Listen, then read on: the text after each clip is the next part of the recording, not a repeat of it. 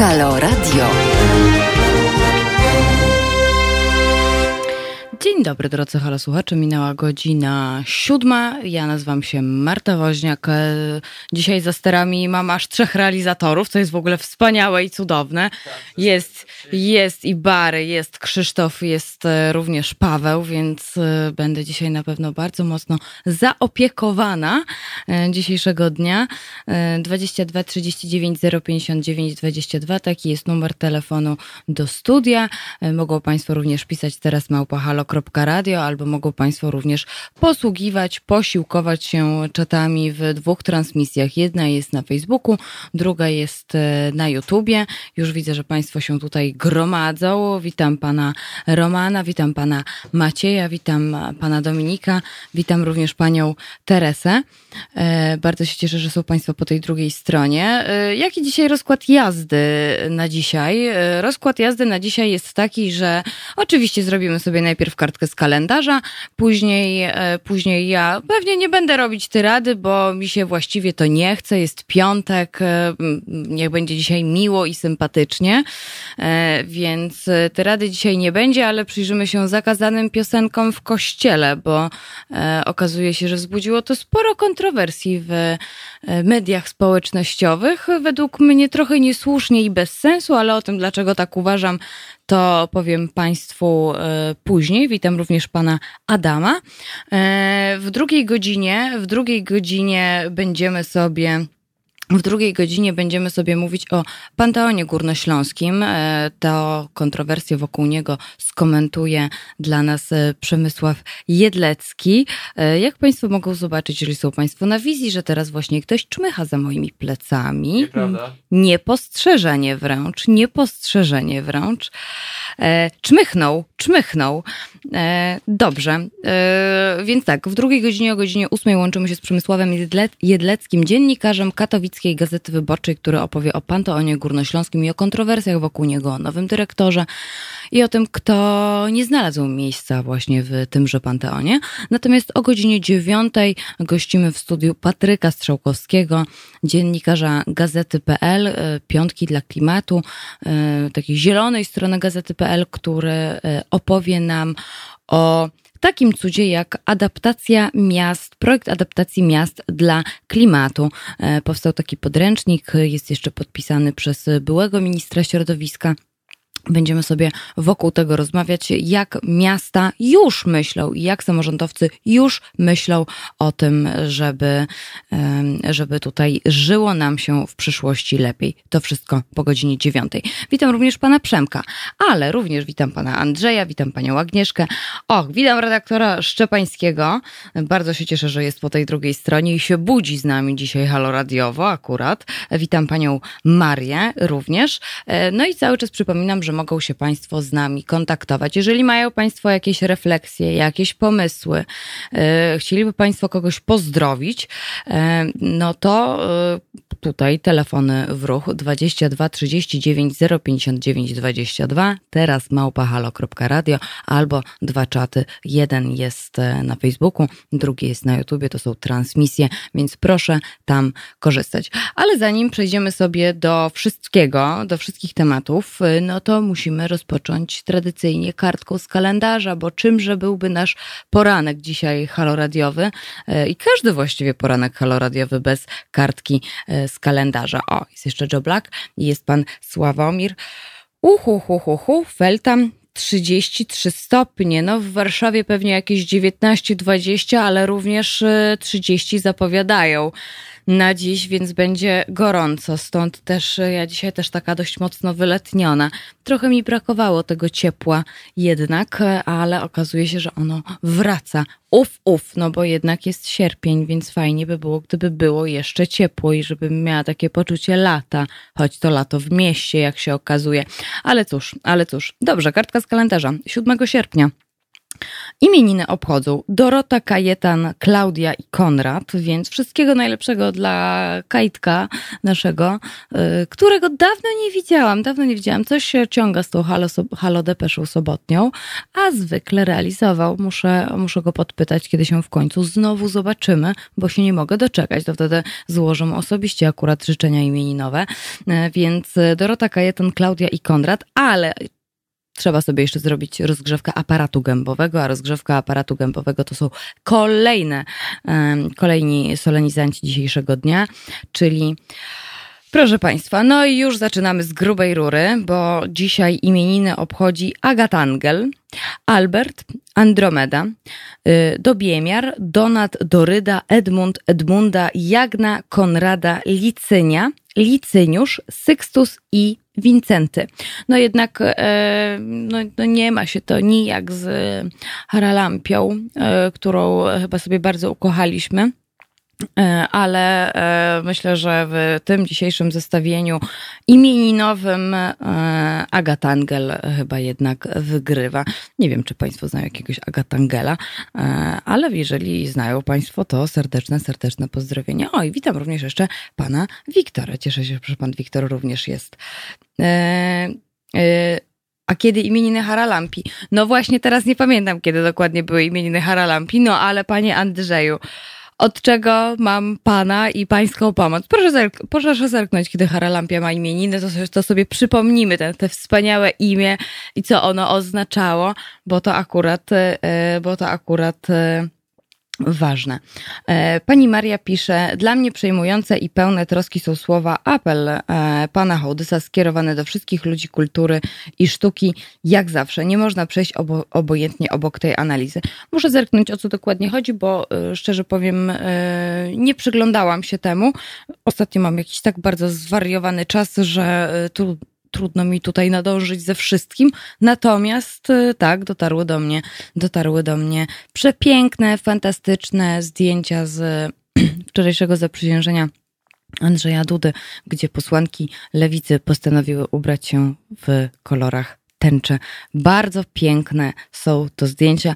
Myślę, że y, dzisiaj Wojtek Krzyżaniak, który już o godzinie 10 w Państwa uszach e, opowie, e, opowie o tym, jak zachował się, jak zachowała się strona Sejmu, która generalnie usunęła te zdjęcia, co jest dość ciekawe, ponieważ e, po co publikować, skoro później usuwać? No chyba, że ktoś chciał zrobić psikusa, bo innego wytłumaczenia nie ma. Pan Przemek przypomina, to było zakrzywo przysiężenie. Niech będzie i zakrzywo przysiężenie. witam panią Jolę również, no i witam pana Ryszarda. Chyba dawno się panie Ryszardzie nie widzieliśmy, e, nie słyszeliśmy. 22 39 059 22, taki jest numer telefonu do studia naszego halo radiowego. Proszę dawać znać o państwa refleksjach. E, przypominam państwu, że e, w tej godzince będziemy sobie opowiadać o, będziemy sobie mówić o zakazanych piosenkach w kościele.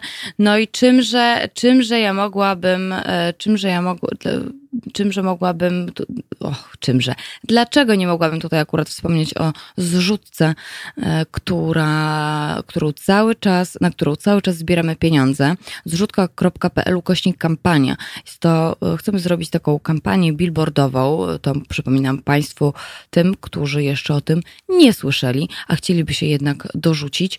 E, przypominam, że prowadzimy taką zrzutkę na kampanię billboardową, ile dokładnie roczny koszt polskich podatników e, zajmuje Kościół katolicki. To jest 20 miliardów złotych, a wiemy też, że zadłużenie szpitali wyniosło 14 miliardów złotych e, żeby się uświadamiać i żeby obywatelować, e, potrzebne jest jednak, żebyśmy, żeby takie billboardy powstały w siedmiu miastach w Polsce i e, no proszę po prostu posyłać e, tego linka zrzutka.pl ukośnik kampania dalej, dalej w świat. E, pan Wiktor pisze, że bardzo dobrze pani powiedziała, zdjęcia z imprezy Andrzeja Dudy. To nie było zaprzysiężenie, to nie jest prezydent. No tak, no jak tu już pan, pan Przemek powiedział, zakrzywo przysiężenie. Zakrzywo przysiężenie. E, możemy to tak, możemy to tak komentować.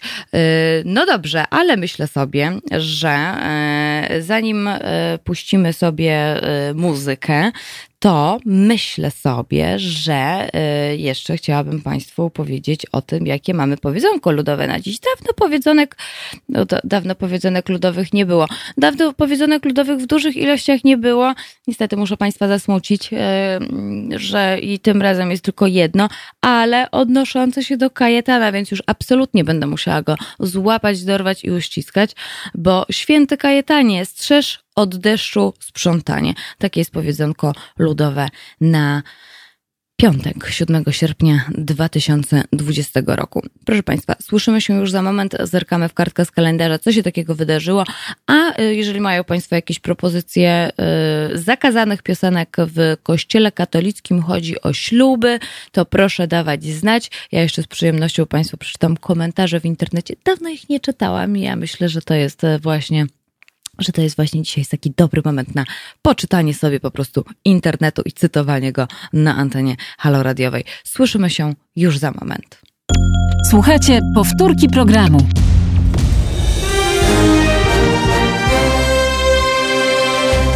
Halo Radio. Gadamy i trochę gramy.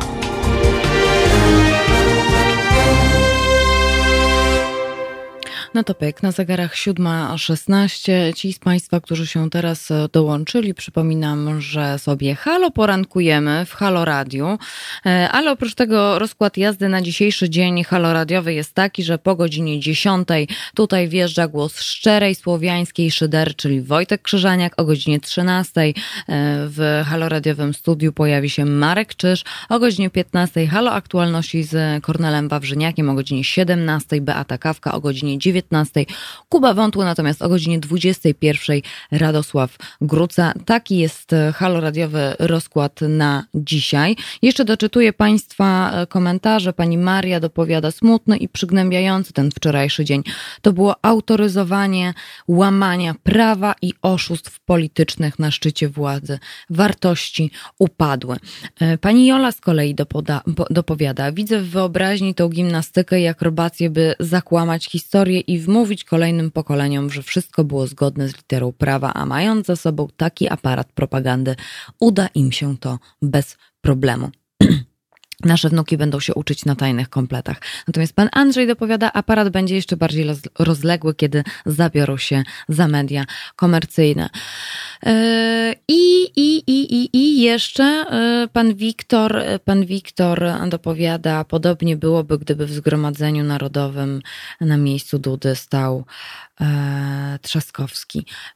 No tak, smutny był ten wczorajszy dzień, ale już jest dzisiaj i już nic z tym no niestety nie zrobimy. To znaczy możemy robić to, że możemy sobie obywatelować, tak to, tak to nazwałam, możemy uświadamiać innych i rozmawiajmy ze swoimi bliskimi, ze swoją rodziną, ale tak nienachalnie, prawda? Tak nienachalnie, tak rozmawiajmy o tym, rozmawiajmy o tym, co jest ważne dla nas e, i jaki mamy punkt widzenia, e, ale oczywiście bez e, żadnego obrażania się, bo nie na tym polega dyskusja i nie na tym polega dialog, więc zaczynajmy tak powolutku od tych takich swoich kręgów, oj tutaj sobie tak zakręcę, od tych takich swoich kręgów, malutku, malutku, malutku, malutku, a później będzie tak bardzo, no no będzie lepiej, będzie lepiej. No tutaj mogę Państwu tylko, Państwa chyba tylko pocieszać, y, choć sama y, wymagam pociechy, bo jestem dokładnie tej samej sytuacji co Państwo, ale y, myślę sobie, że wspólnie i razem naprawdę moglibyśmy zrobić bardzo, bardzo dużo o obywatelskich postawach, chociażby względem klimatu sobie jeszcze dzisiaj opowiemy, ale to akurat po godzinie dziewiątej. Witam Pana Grzegorza, witam Pana Grzegorza. Aha, no i chciałam chciałam jeszcze tutaj, pan Andrzej, to już tak zejdźmy z tego politycznego tematu. E, tutaj chciałam e, akurat jeszcze powiedzieć, że pan Andrzej sprawdził, kiedy Haralampia ma imieniny i to jest 10 lutego. No ale panie Andrzeju, myśmy sobie Haralampię to w ogóle w lipcu odnotowali, bo ja też sprawdziłam, kiedy Haralampia ma te swoje imieniny. No i o Haralampii rozmawialiśmy w piątek 3 lipca dokładnie, więc było e, tak trochę śmiechu co niemiara, z tego co pamiętam. Z tego co pamiętam, ale również Haralampia będzie miała imieniny 13 września i jeszcze jest kolejny dzień haralampiowy 16, 16 marca, więc kolejne, kolejne świętowanie imienin Haralampi wszystkich możliwych będzie 13, 13, 13 września. To jest akurat niedziela, więc się nie będziemy słyszeć na antenie Haloradia. No ale, no ale, no ale. O, no i tutaj proszę bardzo, to prawdziwa Haralimpiada. Tak jest, bardzo dokładnie, prawdziwa Haralimpiada. No, ale to tylko trzy dni w roku. To tylko trzy dni w roku. Nie no, dwa. E, znaczy cztery. Cztery.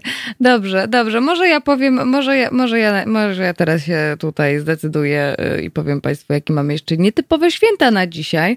E, jest piątek, proszę Państwa, i myślę, że y, wielu się akurat to święto spodoba, ponieważ jest Międzynarodowy Dzień Piwa i Piwowara. E, proszę pamiętać, że bardzo dużo, bardzo dużo lokalnych przedsiębiorstw w związku z y, COVID-19, tą przebrzydłą, okropną y, chorobą koronawirusową, y, no tak nie bardzo mm, jest teraz za pan brat i nie do końca wszędzie, więc może akurat w Państwa okolicy można nabyć jakieś piwo rzemieślnicze na przykład od takiego piwowara i tym samym wesprzeć, wesprzeć tutaj polską gospodarkę, wiadomo, oczywiście. Witam również pana pana Macieja.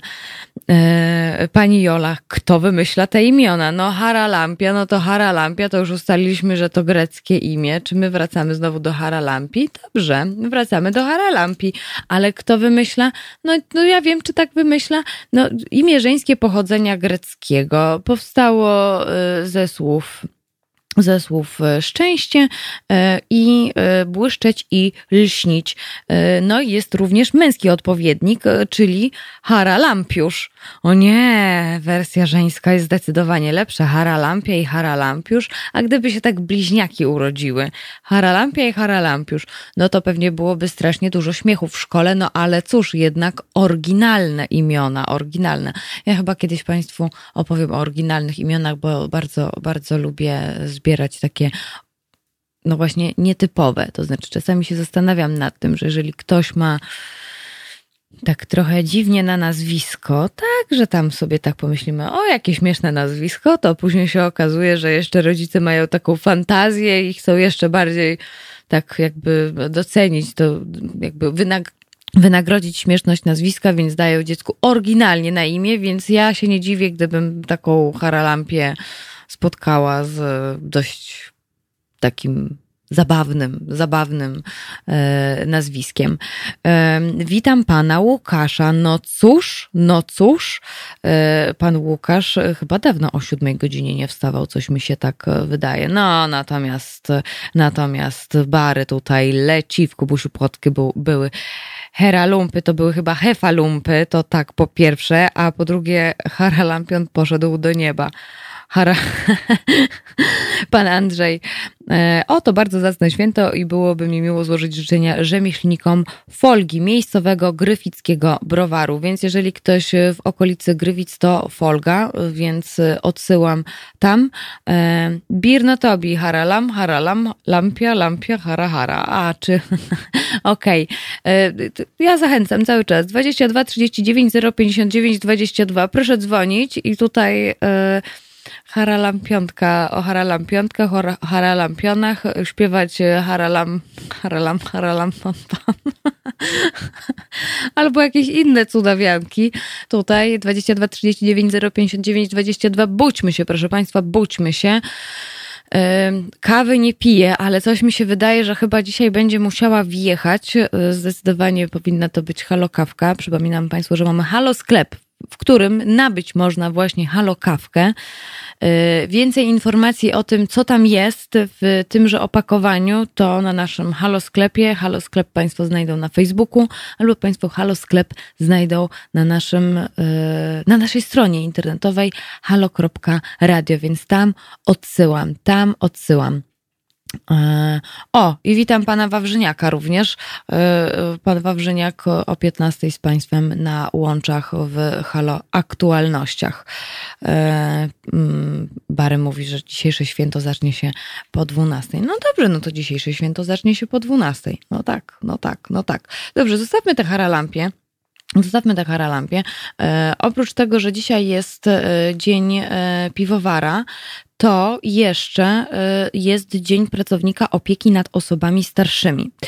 A y, tak mi się wydaje, że trochę nie pamiętamy o, o, o właśnie trochę o osobach starszych i o tych osobach, które się właśnie nimi opiekują. Odsyłam Państwa do, no i będzie smutno teraz, ale trudno, odsyłam Państwa do niesamowitego, przepięknego reportażu,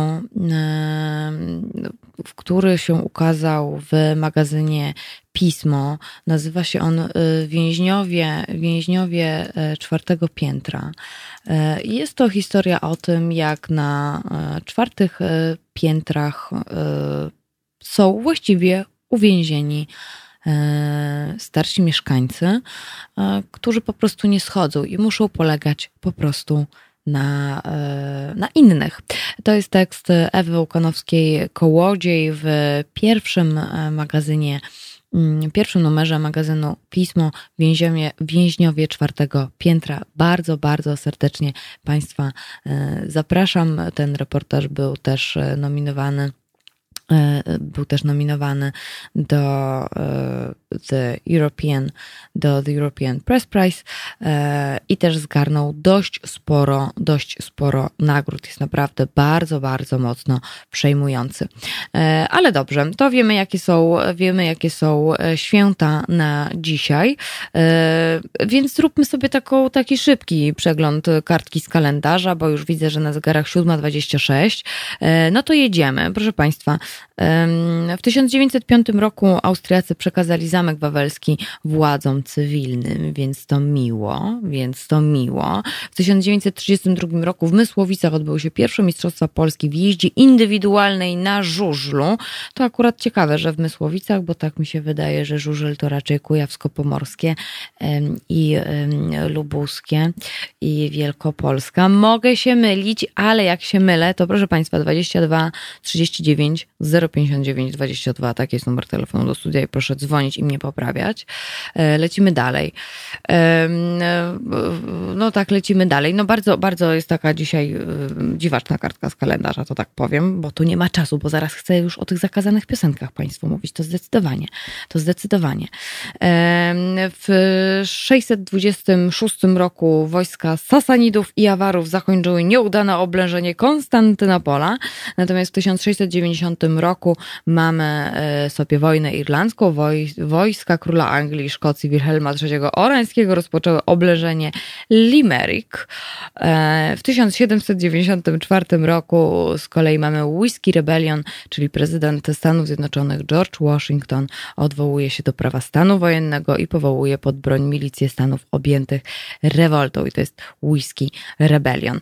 E, takie zbrojne rozruchy, one wybuchły w Pensylwanii, ponieważ był podatek akcyzowy, e, który był nałożony na e, amerykańską, produkowaną w Stanach Zjednoczonych whisky.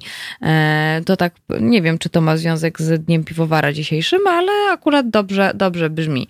E, z kolei w 1908 roku w Austrii odkryto figurkę Wenus z Willendorfu sprzed 22-24 tysięcy lat. Ona ma takie 11,1 centymetra i jest E, na, państw, na pewno Państwo ją kojarzą. Tutaj proszę sobie zerknąć Wenus z Willendorfu.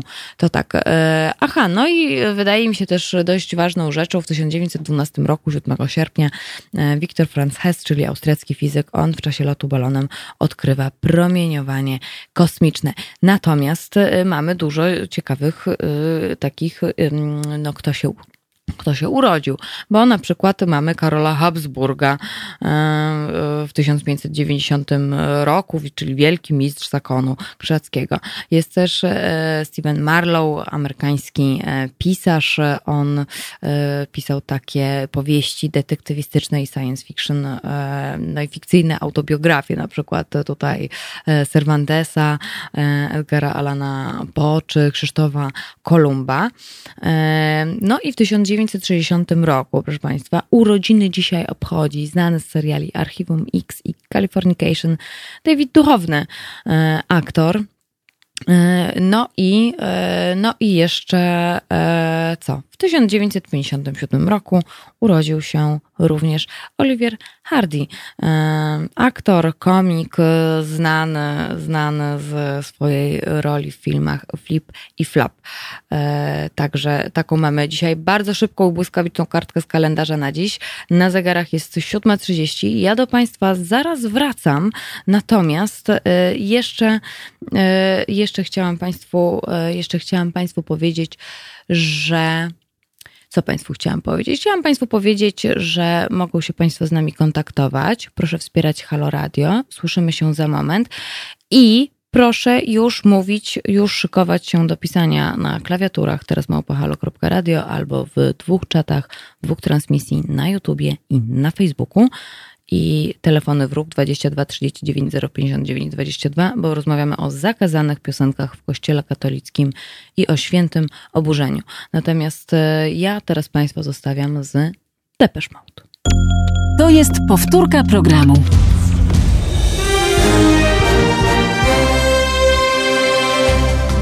Halo Radio. Pierwsze medium obywatelskie.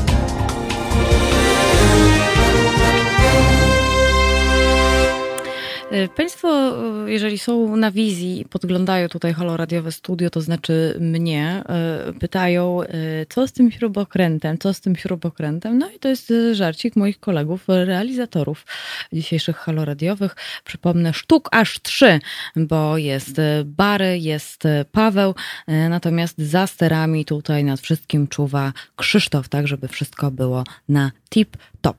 E, więc śrubokręt był po prostu takim żarcikiem i dostałam takie polecenie i ciekawe, czy sobie dam radę, albo sobie może nie dam rady, żeby tak trzymać ten śrubokręt i nic nie mówić, nic nie mówić, no ale niestety e, no nie mogłam się powstrzymać, nie mogłam się powstrzymać, musiałam Państwu wyjaśnić, co ten śrubokręt robił w mojej dłoni, bo tutaj się robią jakieś cudawianki e, z, za ścianą haloradiowego studia. No to proszę Państwa, ja myślę, że już telefony się tutaj szykują do rozgrzania. 22 39 059 22. Teraz małpa halo.radio i czaty. Jeden na YouTubie, drugi na Facebooku. Przypominam Państwu, że słuchają Państwo Halo Radia, który bez Państwa wsparcia, bez Państwa datków, bez Państwa pomocy finansowej nie funkcjonowałby. E, natomiast Kościół katolicki funkcjonuje z naszych wszystkich pieniędzy, z pieniędzy podatników, kosztuje 20 miliardów złotych rocznie e, i żeby e, uświadamiać, jak wielka to jest kwota, a także żeby odsyłać, skąd się ta kwota bierze, bo to są dokładne wyliczenia, odsyłam Państwa na zrzutka.pl ukośnik kampania i cały czas proszę o to, by Państwo podawali to dalej. Chcielibyśmy po prostu jako Fundacja Obywatelska, jako Halo Radio postawić siedem takich billboardów z informacjami, ile kosztuje nas Kościół katolicki w Polsce w siedmiu miastach, e, no i żebyśmy, że, żeby ludzie wiedzieli, żeby ludzie wiedzieli, bo to nie jest takie oczywiste, to nie jest takie oczywiste. A skoro o kościele mowa, e, to teraz wielkie kontrowersje e, wzbudził, wzbudziła kuria płocka, bo stwierdziła, że ogłosiła właśnie, że na ślubach kościelnych będą mogły śpiewać wyłącznie osoby, które przejdą specjalny kurs, który kosztuje pewną kwotę pieniędzy, e, ale też, że nie mogą się podczas ślubu kościelnego pojawiać pewne piosenki, czyli zakazane piosenki w kościele. No i tak, no i e, według, według kurii. Ślub to jest taki dzień, który przyszli małżonkowie planują bardzo precyzyjnie, z dbałością o wszystkie szczegóły, no i również ta taka oprawa tego, tej ceremonii zaślubin w kościele również jest dla nich e, o tyle wyjątkowa, że chcieliby jednak, żeby organista, czy żeby się pojawił, ja wiem, zespół, e, czy, czy, czy jacyś muzycy, którzy tam e, coś im wybrzmią takiego miłosnego, ładnego, podniosłego, żeby to się tak niosło w tych ścianach kościoła.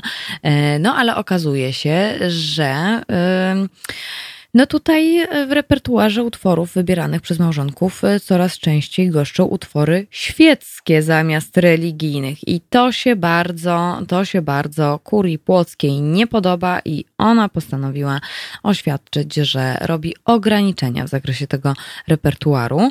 E, no i zgodnie z wytycznymi o oprawę muzyczną takich uroczystości będą mogły zadbać wyłącznie mm, osoby, które przejdą obowiązkowe szkolenie i to obowiązuje, obowiązuje od przyszłego roku. No i muzycy i zespoły muzyczne będą, które będą brały udział w ceremonii e, zaślubin, będą zobowiązane do posiadania zaświadczenia o ukończeniu takiego kursu. Okazuje się, że taki kurs to kosztuje około 150 zł, czy tam 150 zł. E, no i e, są piosenki, których e, śpiewać nie można, są zakazane, ale kuria płocka to nie jest jedyna kuria, w której do, do takich pomysłów dochodzi, bo na przykład w takie ograniczenia właśnie są też w diecezji tarnowskiej, e, we Włocławku, w Warszawie. E, no i na przykład e, tutaj na czarnej liście zakazanych piosenek jest Leonard Cohen jest, e, są Beatlesi, e, są, jest na przykład Ed Sheeran, jest Mieczysław Fok albo Piotr Rubik. Natomiast dość ciekawe jest również to, że utwór świecki w rozumieniu niektórych diecezji czy kurii to jest również Ave Maria Jana Sebastiana Bacha. Natomiast e, co dokładnie, e, co dokładnie tutaj e, chce zakazać, co dokładnie tutaj chce zakazać diecezja, znaczy diecezja płocka nie podaje jeszcze dokładnej listy zakazanych piosenek, ale na przykład dość wiele kontrowersji wzbudza jednak no, Leonard Cohen i Halleluja, który zawsze właściwie, właściwie możemy, zawsze, no na większości ślubów akurat na których e, byłam e, i się nim e, przyglądałam, to, to halleluja absolutnie, absolutnie w większości. Natomiast, natomiast podobno również w kościele rozbrzmiewała Enia z Made Be albo All You Need Is Love Beatlesów. Ja akurat, ja akurat się z tym nie spotkałam. Ja akurat się z tym nie spotkałam.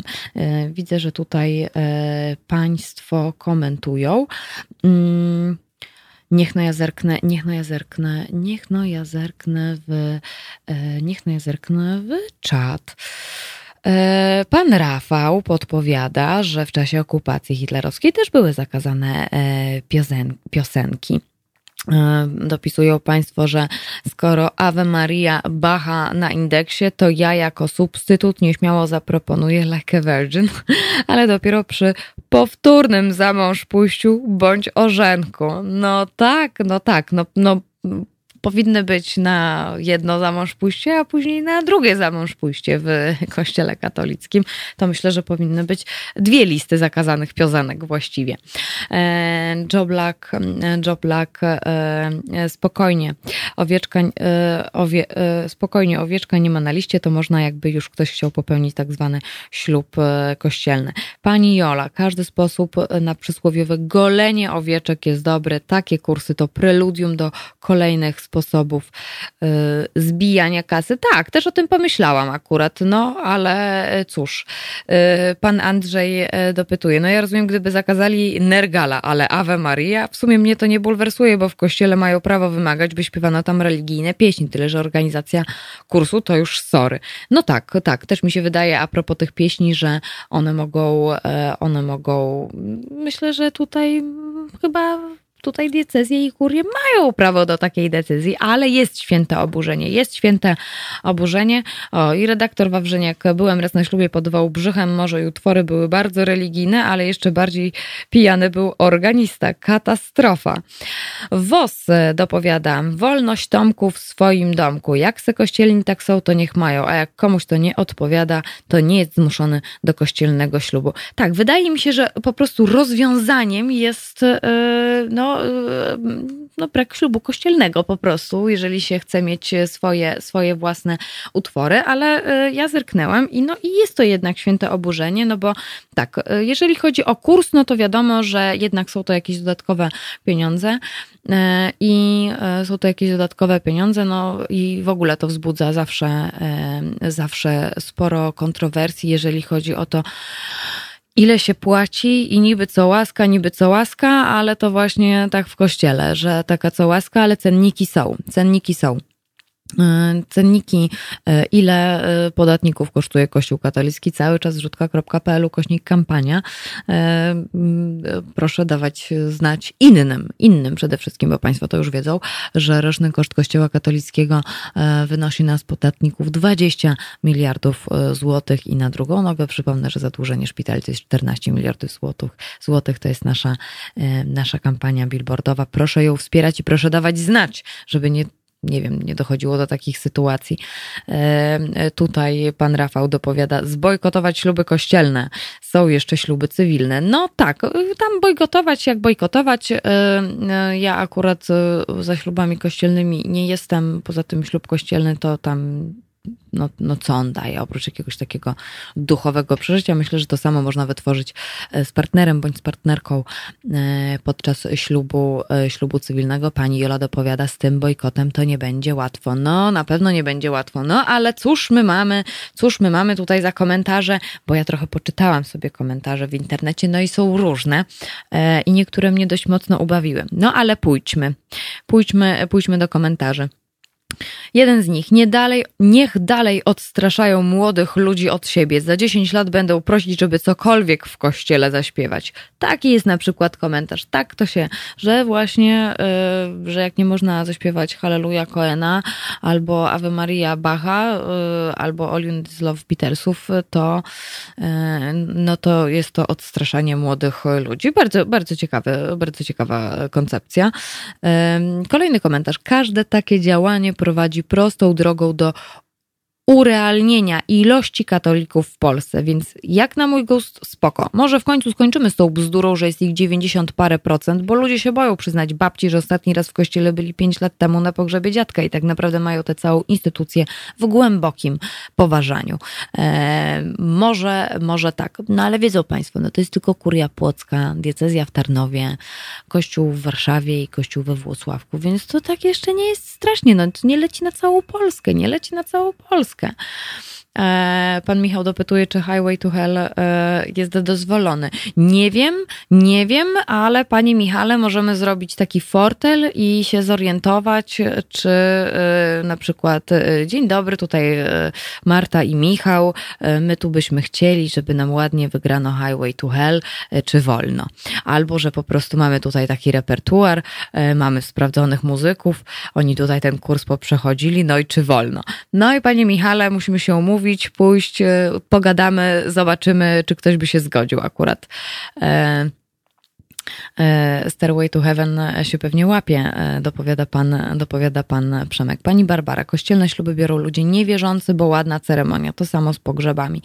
E, pan Andrzej, w kościółku jest tyle bulwersujących zjawisk, że omawiany problem nie jest problemem, przynajmniej dla nas. Tak, panie Andrzeju, ale jednak on wzbudził jednak trochę. Właśnie i też nie rozumiem, dlaczego niesłusznie, ale czytanie komentarzy pod, pod właśnie zakazanymi piosenkami w e, kurii płockiej e, ubawiło mnie setnie. E, jak co łaska będzie większa, to i repertuar się rozszerzy, więc są też takie pomysły, więc są też takie pomysły. Kolejny komentarz to bierzemy piękne śluby świeckie, może na nich lecieć dowolna muzyka i nikt nie użyje tego dnia jako okazji do wątpliwej jakości połajanki moralizatorskiej. E, kolejny komentarz. Z tego co pamiętam, ślubu udzielają sobie sami młodzi, a nie ksiądz. To, że Pan Bóg jest przy tym obecnym, rozumiem, a czy w Piśmie Świętym albo w Biblii jest zakaz śpiewania pieśni świeckich w kościele? No jakoś nie kojarzę. Kościół i Pan Bóg jest dla ludzi. Jakieś zakazy to wymysł grubasów skóry, którzy z Bogiem mają tyle wspólnego co ja z piaskiem na Neptunie. Więc są również takie komentarze e, wskazujące na to, jak to wygląda właśnie w w Biblii. E, inny komentarz, inny komentarz. E, rok temu brałam ślub i ksiądz zgodził się na halleluja. Dopiero wtedy, jak na koniec mszy już wszyscy księża wyszli. E, natomiast inna pani dopowiadała, że dwa lata temu brałam ślub i już wtedy organista nie chciał zagrać Halleluja. Już, a już nawet ksiądz się zgodził, ale organistę ciężko było namówić, więc widzą państwo, to nie są takie proste rzeczy, to nie jest tylko, że ksiądz, ksiądz, że kuria, kuria. Jak się organista uprze, no to co wtedy? No właśnie, e, tutaj e, Pani Olga dopowiada bardzo słuszną, bardzo słuszną rzecz i bardzo słuszną myśl, ale trzeba się zastanowić, czy w całej tej imprezie chodzi o śpiewanie piosenek. Trochę można to porównać do brania komunii zakłada. E, no tak, no tak, no właśnie. E, wydaje mi się, że w ślubie kościelnym, jeżeli ktoś jest wierzący, jeżeli ktoś chce to przeżyć, e, no to chyba nie powinno być problemem i nie powinno być wielkiej awantury i wielkich komentarzy typu, typu to takie jak co łaska, to repertuar będzie większy, albo niech odstraszają młodych dalej od siebie, no to to jest już takie, takie mało, mało w punkt. E, natomiast e, jest też e, komentarz taki dość długi, a gdzie jest powiedziane, napisane, że ślub musi być brany przed księdzem w budynku kościelnym. W Biblii, na której opiera się chrześcijaństwo, nie ma ani jednego zapisu, jak ślub powinien wyglądać. Kto ślubu ma udzielać? Można iść do Urzędu Stanu Cywilnego i sobie tam zamawiasz taką piosenkę, jaką chcesz. To, na co Bóg w Biblii zwraca uwagę, to jakość życia w trakcie trwania małżeństwa, żeby była harmonia, miłość, szacunek, radość, jedność itd. Tak Inna kwestia, że wiele tradycji kościelnych stoi w poprzek Biblii, o czym księża doskonale wiedzą, ale się nie przyznają, a ta mała sprawa z zakazanymi piosenkami jest najmniejszą z nich. To tutaj dokładnie to samo, co, e, co e, dopowiadają, dopowiadają Państwo. E, pan Grzegorz jeszcze mówi, przecież większość wiernych to pseudokatolicy. Ślub jest tylko na pokaz. No tak, to, to, jest, to, to jest dość smutne.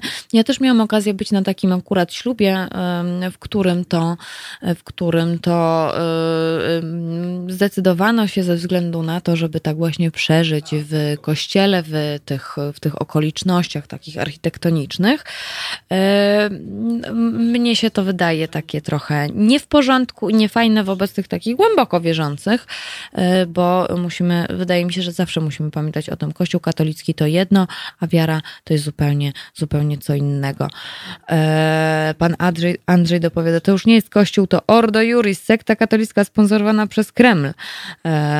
Jeszcze Państwu jeden komentarz przeczytam, właśnie nawiązujący do tych piosenek zakazanych które się znajdują czasami na tych listach. Dziwne w to wszystko, tym bardziej, że zawsze od dawna Ave Maria jest najczęściej, oczywiście po Ojcze Nasz, odmawianą modlitwą. Stanowi część Angelusa, czyli Anioła Pańskiego i Różańca. Przez wieki inspirowała i nadal inspiruje kompozytorów do tworzenia jej muzycznych wersji, a z kolei Halleluja, oryginał Coena, zawiera kilka biblijnych odwołań. Sam tytuł Halleluja jest biblijnym zwrotem wychwalającym Boga, spotykanym przed wszystkimi w Księdze Psalmów. Tekst rozpoczyna się od nawiązania do króla Dawida, który mimo bycia grzesznikiem przy pomocy pieśni próbuje skontaktować się z Bogiem.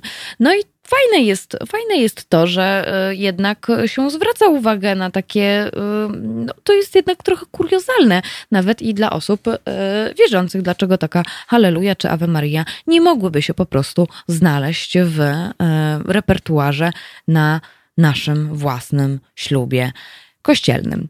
E, pan e, Adrian jeszcze dopowiada, im Kościół katolicki w Polsce narzuca ludziom różne nakazy i ograniczenia oraz miesza się w politykę, tym on staje się coraz bardziej instytucją odpychającą, totalitarną, totalitarną i opresyjną oraz podważającą wolność i demokrację. Zakazywanie śpiewania świeckich piosenek w kościele to nic innego jak kolejny beznadziejny absurd i przemocowe postępowanie kleru.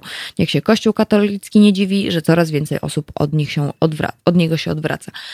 Y, trochę zgoda, a trochę nie, bo wydaje mi się, że jednak y, jeżeli y, myślimy sobie o no nie wiem, no jak świeckie, no to dlaczego to ma się znajdować w kościele? Aczkolwiek po świecku to się jednak zachowują niektórzy, wiele, wiele księży, którzy y, co łaska zamieniają w jeden wielki biznes i to jest na przykład nie w porządku. Proszę Państwa, na zegarach 7.53 y, ja się z Państwem słyszę już za moment razem z Przemysławem Jedleckim, który już dostaje znaki, że jest tutaj na łączach y, i będziemy sobie rozmawiać dalej, tak trochę, trochę będzie, nie, no mam nadzieję, że nie będzie o kościele, e, ale będziemy sobie mówić o Panteonie e, Górnośląskim, e, który ma powstać w archidiecezji katowickiej i, i o tym sobie porozmawiamy, bo wokół jest bardzo, bardzo dużo kontrowersji. O tym już za moment Przemysław Jedlecki. Jeszcze tylko dopowiem, jeszcze tylko dopowiem komentarz pana Kaspra. Upłynie jeszcze trochę czasu, Kościół nie będzie miał pieniędzy na utrzymanie kościołów i w budynku po kościele będzie można wziąć sobie ślub cywilny z każdą muzyczką. No, możliwe, że tak właśnie będzie. E, proszę Państwa, słyszymy się e, już za moment w Państwa i moich uszach Mike and the Mechanics. No i co? Słyszymy się o ósmej. Słuchajcie, powtórki programu.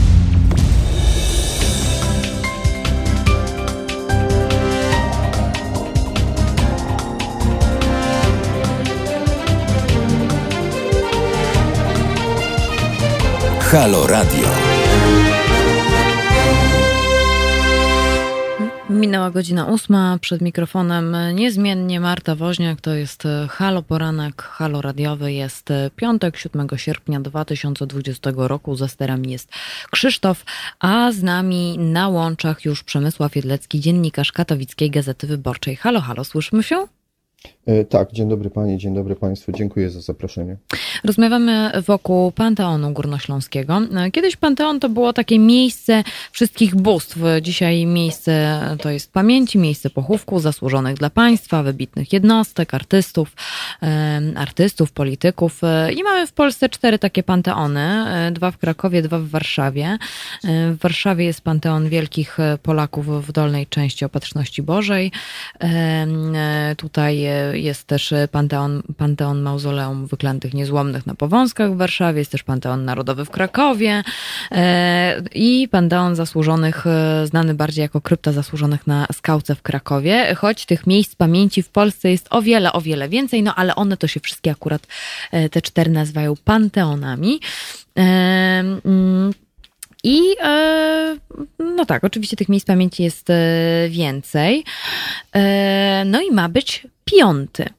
E, to ma być e, Panteon Górnośląski, no i to jest chyba takie nobilitujące dla Górnego Śląska, e, żeby kolejny właśnie Panteon właśnie pojawił się tam.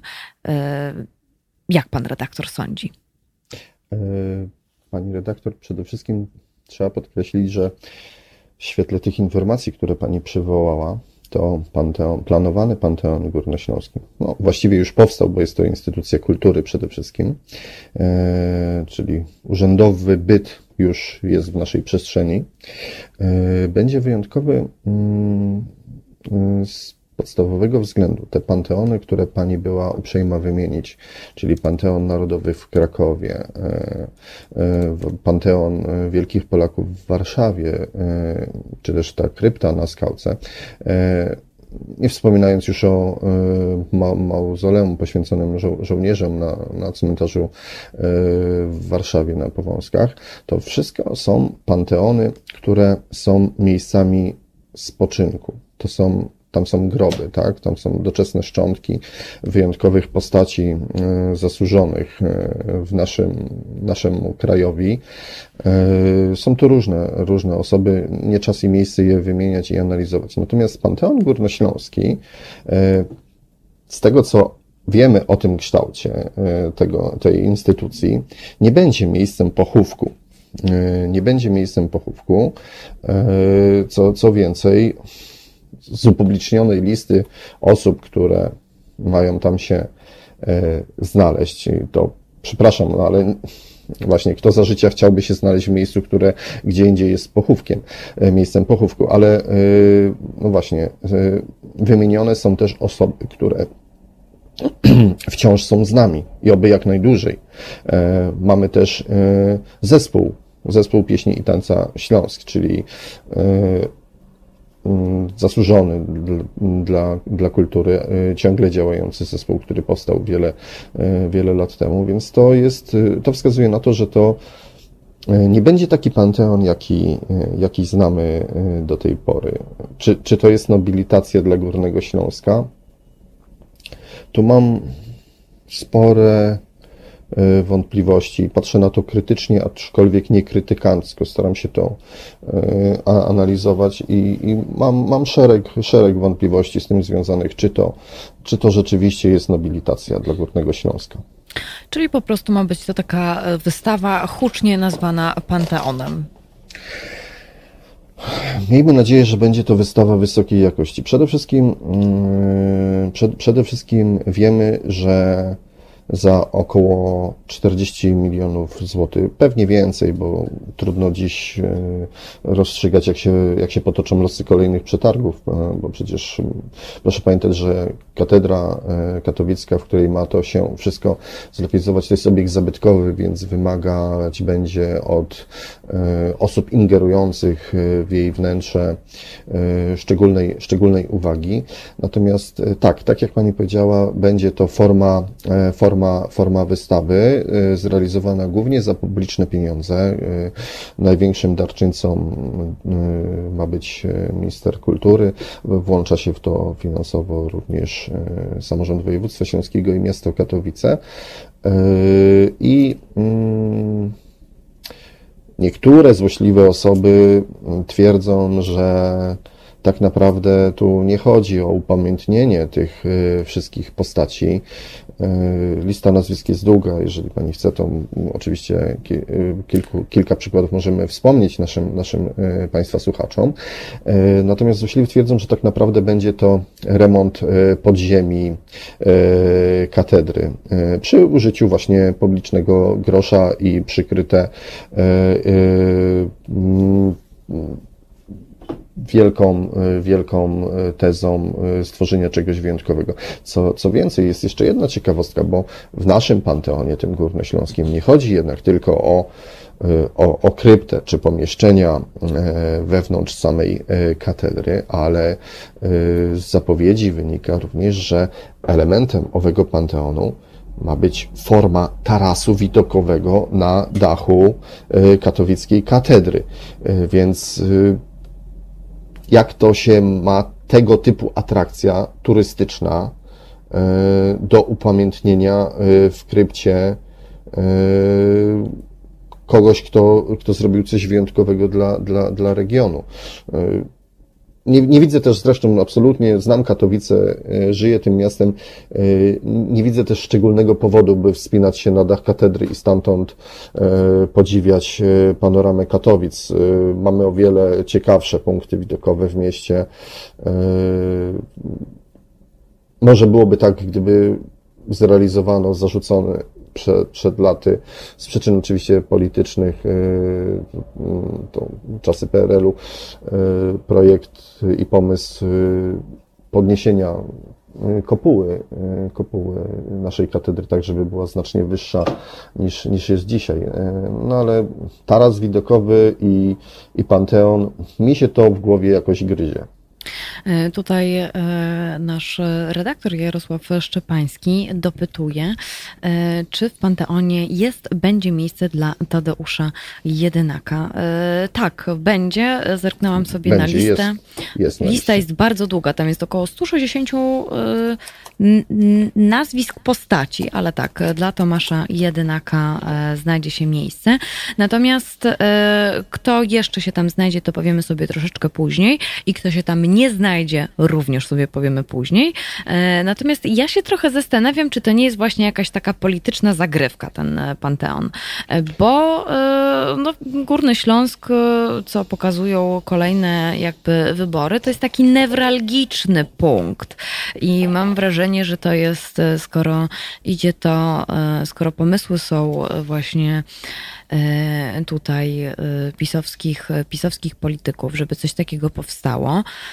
E, wiemy, co się stało z Regionalnym Centrum Kultury. Też kiedyś o tym rozmawialiśmy. Mhm. To mam takie wrażenie, że, że to jest taka polityczna zagrywka, ten Panteon.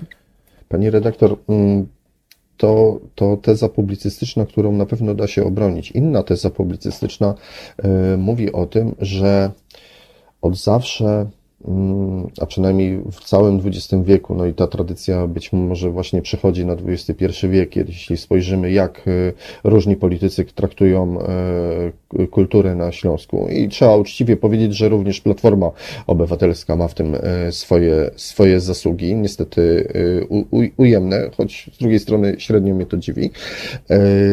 Kultura e, zawsze na Górnym Śląsku była traktowana jako, e, jako oręże polityczne. Mój znajomy, który mm, pracuje od wielu lat w rozmaitych instytucjach kultury, właśnie na to zwraca uwagę, że na Górnym Śląsku, gdy tworzono jakieś muzeum, miejsce pamięci, to ono tak naprawdę miało dodatkowe cele, tak? A to na przykład trzeba było pokazać, że Śląsk to Polska. Albo udowodnić wszystkim, którzy mają e, wątpliwości, że e, Ślązacy to e, przede wszystkim Polacy i polskość była dla nich zawsze najważniejsza nikt, nikt tego nie, nie podważa, tak? Nie po to, nie po to, nie po to yy, przeprowadzono tu trzy powstania śląskie, żeby, żeby wierzyć w, w bzdury o yy, oderwaniu Śląska od, od Polski, jakiejś, jakiejś, jakiejś yy, federacji, czy, czy, czy, czy, czy wręcz przyłączeniu do Niemiec. To są, to są bajki dla, dla dzieci, więc ta teza, o której Pani mówi, że to może być tu może być jakiś podtekst polityczny, może być o tyle uzasadniona, e, że dyrektor Panteonu e, Górnośląskiego, pan, pan Ryszard Kopiec, powiedział na łamach gościa mm, niedzielnego e, takie słowa, i tu cytuję odczytując je. Powstanie Panteonu i jego działalność ma pomagać w przywróceniu obiektywnego i rzetelnego przekazu historycznego. I w tej nie, brakuje tutaj y, rozwinięcia, co, co pan dyrektor Kopiec ma, ma na myśli. To znaczy, gdzie brakuje mu obiektywnego i rzetelnego przekazu historycznego? Kto w sposób nieobiektywny i nierzetelnie opowiada o historii Górnego Śląska? Czy Muzeum Górnośląskie? Biblioteka Śląska? Może Muzeum Śląskie? A może Muzeum y, Powstań Śląskich, które powstało całkiem niedawno? A może Muzeum Archidiecezji Katowickiej? Nie, nie, nie wiemy, tak? To jest takie wrzucenie takiego kamyczka. Aha, oni są nierzetelni i nieobiektywni, to my y, zrobimy to, to lepiej i porządniej. Moim zdaniem y, to jest bardzo, y, bardzo niebezpieczne, tak? Bo tu y, od razu y, dyrektor stawia pewną tezę, że chce naprawiać y, świat, że chce opowiadać go po swojemu. No ale pan dyrektor nie jest historykiem, pan dyrektor jest architektem mhm. I nic nie wiemy o tym, żeby pan dyrektor wcześniej kierował jakąkolwiek instytucją e, kultury. Więc e, tak, można podzielić pani obawy, że tu jest jakiś podtekst polityczny. E, no właśnie, e, dyrektor Kopiec, e, który jest dyrektorem od maja, tak? Instytucji? Powołany został w lipcu, jeśli dobrze pamiętam. Jest architektem, no i ponieważ został dyrektorem, to on też nie do końca musi się znać, bo jednak piecze nad tym wszystkim trzymają tutaj naukowcy z Uniwersytetu Śląskiego, żeby nie zgodzę się z panią. Nie? Piecze, pie, nie no, formalnie jest to instytucja kultury wpisana do, e, e, do rejestru instytucji kultury. For, for, formalnie e, podlega Urzędowi Marszałkowskiemu Województwa Śląskiemu. Pan dyrektor został powołany przez zarząd województwa. Jego szefem jest marszałek, mhm. a nie historyk mhm. albo zespół historyków, e, który, który będzie mu mówił, co ma robić. Nie. Y, y, tak, tak, tylko chciałam po prostu nawiązać, że y, tą Panteon wystawę właściwie, bo, bo tutaj, tutaj będą jednak e, e, tutaj będą jednak konsultacje i to takie dość e, poważne z tego co wiem, nie tylko z naukowcami Uniwersytetu Śląskiego, historykami, ale też z pracownikami Instytutu Pamięci. E, narodowej, więc, e, więc do tego po prostu nawiązuję, że jednak dyrektor jest osobą zarządzającą. Ale dobrze. E, do dyrektora, do dyrektora jeszcze wrócimy i powiemy sobie, powiemy sobie o kontrowersjach, bo wzbudza to miejsce kontrowersje od samego, od samego początku. No i przede wszystkim również o osobach, które się może te, które się znalazły, to niech tam już pozostaną, ale są też takie osoby, które się tam nie znalazły, więc o tym powiemy sobie już za moment. E, teraz natomiast w Państwa uszach Natasza Bedingfield. E, I, e, I cóż, przypominam Państwu, że jeżeli mają Państwo jakieś pytania, mają Państwo jakieś wątpliwości albo refleksje, to proszę koniecznie dawać znać. Numer halo, do Halo Radiowego Studia to jest 22 39 050 922. Mogą Państwo też komentować na czatach. Jeden jest na Facebooku, drugi jest na YouTubie. Natomiast mogą też Państwo wysłać maila z refleksjami, pytaniami, wątpliwościami. Teraz małpa halo.radio. No a teraz e, już these words. Słuchajcie powtórki programu. Halo Radio. Wracamy do naszego tematu górnośląskiego, bo rozmawiamy z dziennikarzem Katowickiej Gazety Wyborczej Przemysławem Miedleckim o Panteonie Górnośląskim. E, jeżeli mają Państwo jakieś pytania, proszę koniecznie e, pisać w komentarzach na Facebooku, na YouTubie, teraz małpahalo.radio, a może ktoś chciałby się połączyć z nami i podzielić swoimi wątpliwościami. Podoba mu się taki, taki pomysł, e, ta instytucja i Panteon Wystawa, która ma, ma być w archidiecezji katowickiej, albo może mu się nie podoba i dlaczego. Cały czas 22 39 059 22 taki jest numer do halo radiowego studia. Natomiast ja teraz, panie redaktorze, chciałabym zapytać o bo jest, pojawiło się bardzo, bardzo dużo różnego rodzaju kontrowersji. Między innymi na stronie Ruchu Autonomii e, Śląska możemy zobaczyć bardzo, bardzo dużo pytań, zastrzeżeń do, do właśnie do Panteonu. E, I oni wskazują między innymi na kwestie polityczne, na kwestie teologiczne, na kwestie merytoryczne, no i na przykład wątpliwości wzbudza, ponieważ się to dzieje wystawa Panteon ma być w archidiecezji katowickiej, to oni wskazują również na takie rzeczy typu dlaczego wystawa ma prezentować osoby niezwiązane z kościołem katolickim? I takich pytań, e, pani redaktor, będzie pewnie jeszcze więcej i mam nadzieję, że e, autorzy Panteonu będą chcieli i potrafili na nie na nie odpowiedzieć. Natomiast pytanie, dlaczego e, osoby niezwiązane z Kościołem, no, no wydaje mi się e, bezcelowe, jeżeli mamy, przyjmujemy tezę, że mają być tam uhonorowane osoby ważne dla, dla Górnego Śląska. No, Sławomir Mrożek nie był, nie był człowiekiem Kościoła, a, a jednak jest w Panteonie w, Krak w Krakowie, tak?